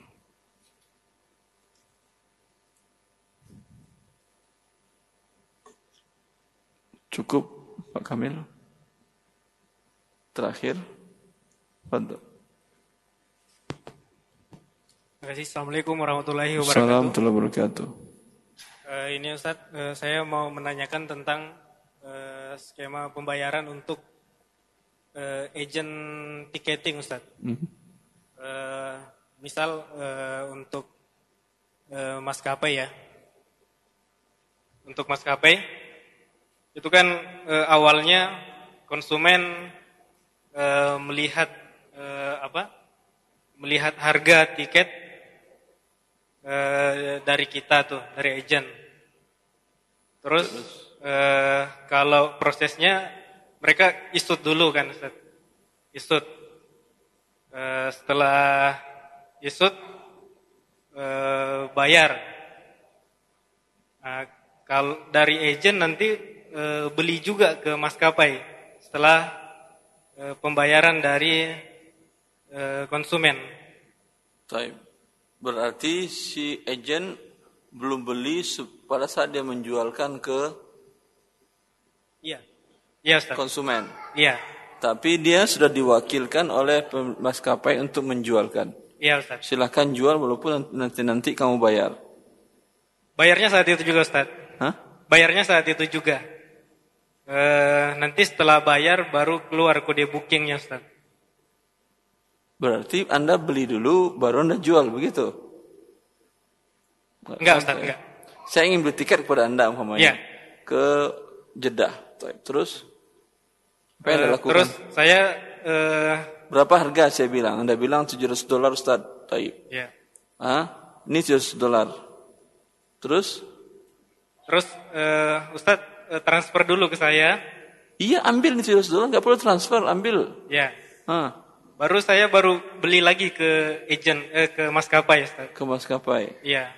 Akad Anda dengan maskapai jual beli putus. Jual beli putus, Ustaz. Jual beli putus. Iya.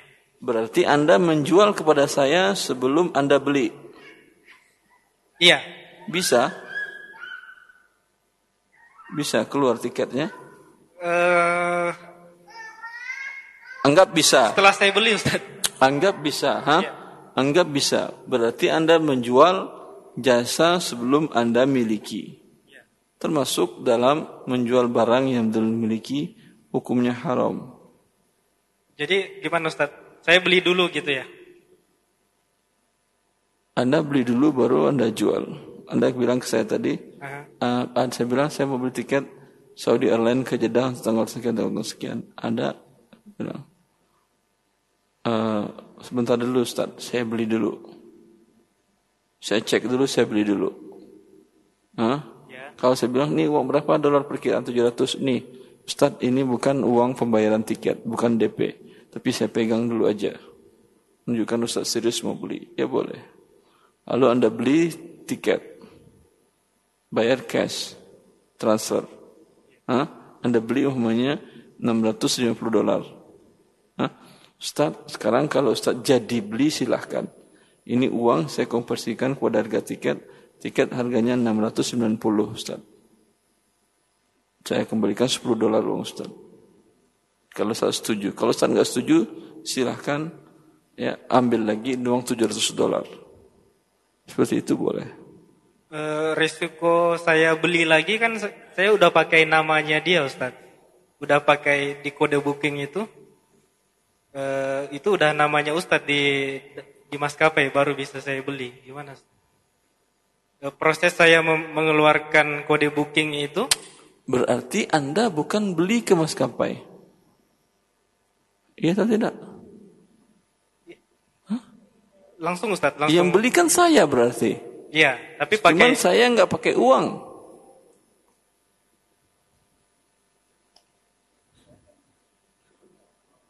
Saya sudah booking. Iya.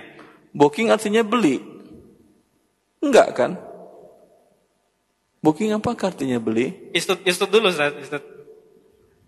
Eh, kita uh, istut dulu, masukkan nama. Enggak paham saya. Saya, saya beli tiket ke Jeddah. Anda saya tanya kepada Anda, saya nggak ada booking, nggak ada segala macam. Ya. Ya. Untuk tanggal sekian. Lalu saya keserahkan 700 dolar. Lalu Anda apa yang Anda lakukan sekarang? Uh, saya beli lagi ke maskapai. Iya, berarti pada saat itu Anda belum punya ya. tiketnya. Anda beli tiket atas nama saya. Iya. Pinjam nama saya berarti kan ya? Iya, Ustaz. Saya, kalau saya nggak jadi, risiko Anda besar apa tidak? Besar, Ustaz. Nggak bisa Anda kembalikan ke maskapai? Nggak bisa. Nggak bisa. Udah, udah cancel, Ustaz. Udah 25% udah hilang. Ya urusan Anda. Kalau Anda jual sebelum Anda beli, hukumnya haram. Kalau Anda beli kemudian si konsumen nggak jadi bayar, ya Anda rugi. Ya. Udah memang begitu dagangnya. Kalau Anda nggak mau, jangan dagang yang begituan. Kan banyak lagi dagang yang lain yang halal dan risikonya kecil. Terus yang ini Ustaz pertanyaan kedua hmm. e, masih berhubungan itu kalau misal e, apa di maskapai ngeluarin misal tadi contoh 600 ya. Apa? 600 e, tadi yang contoh misal sejuta lah sejuta. Satu juta harga tiket. E, terus saya ke maskapai itu langsung potongan Ustaz. Ada deposit uang di situ? E, enggak, e, saya transfer itu ke maskapai misal 950 ribu. Berapa? Misal sembilan setengah Ustaz, 950 ribu. Terus? Itu bukan bukan satu juta lagi, bukan seharga e, konsumen membeli harga tiket itu. Itu halal nggak Ustaz pendapatan? Kan saya katakan, kalau Anda menjual barang sebelum Anda kuasai dan Anda beli, hukumnya haram. Kecuali Anda wakil dari pihak maskapai. Kalau akad Anda dengan maskapai, silakan jualkan nanti baru kita hitung-hitungan. Setiap sekali seakhir pekan kita hitung-hitungan berapa yang terjual, fee Anda saya kasih. Nggak bisa potong di depan Ustaz ya? Sembilan setengah langsung potong. Kalau akad Anda jual beli dengan maskapai, berarti sekarang barang sudah Anda miliki atau belum pada saat saya beli? Sudah atau belum? Belum, Ustaz. Boleh menjual barang yang tidak dimiliki? Tidak boleh, Ustaz. Haram, itu makanya saya katakan. Berarti ini adalah bisnis yang menjual sebelum dimiliki hukumnya haram. Udah jangan ambil bisnis ini, ambil bisnis lain. Barik Cukuplah ya. Subhanakallah bihamdika Assalamualaikum warahmatullahi wabarakatuh.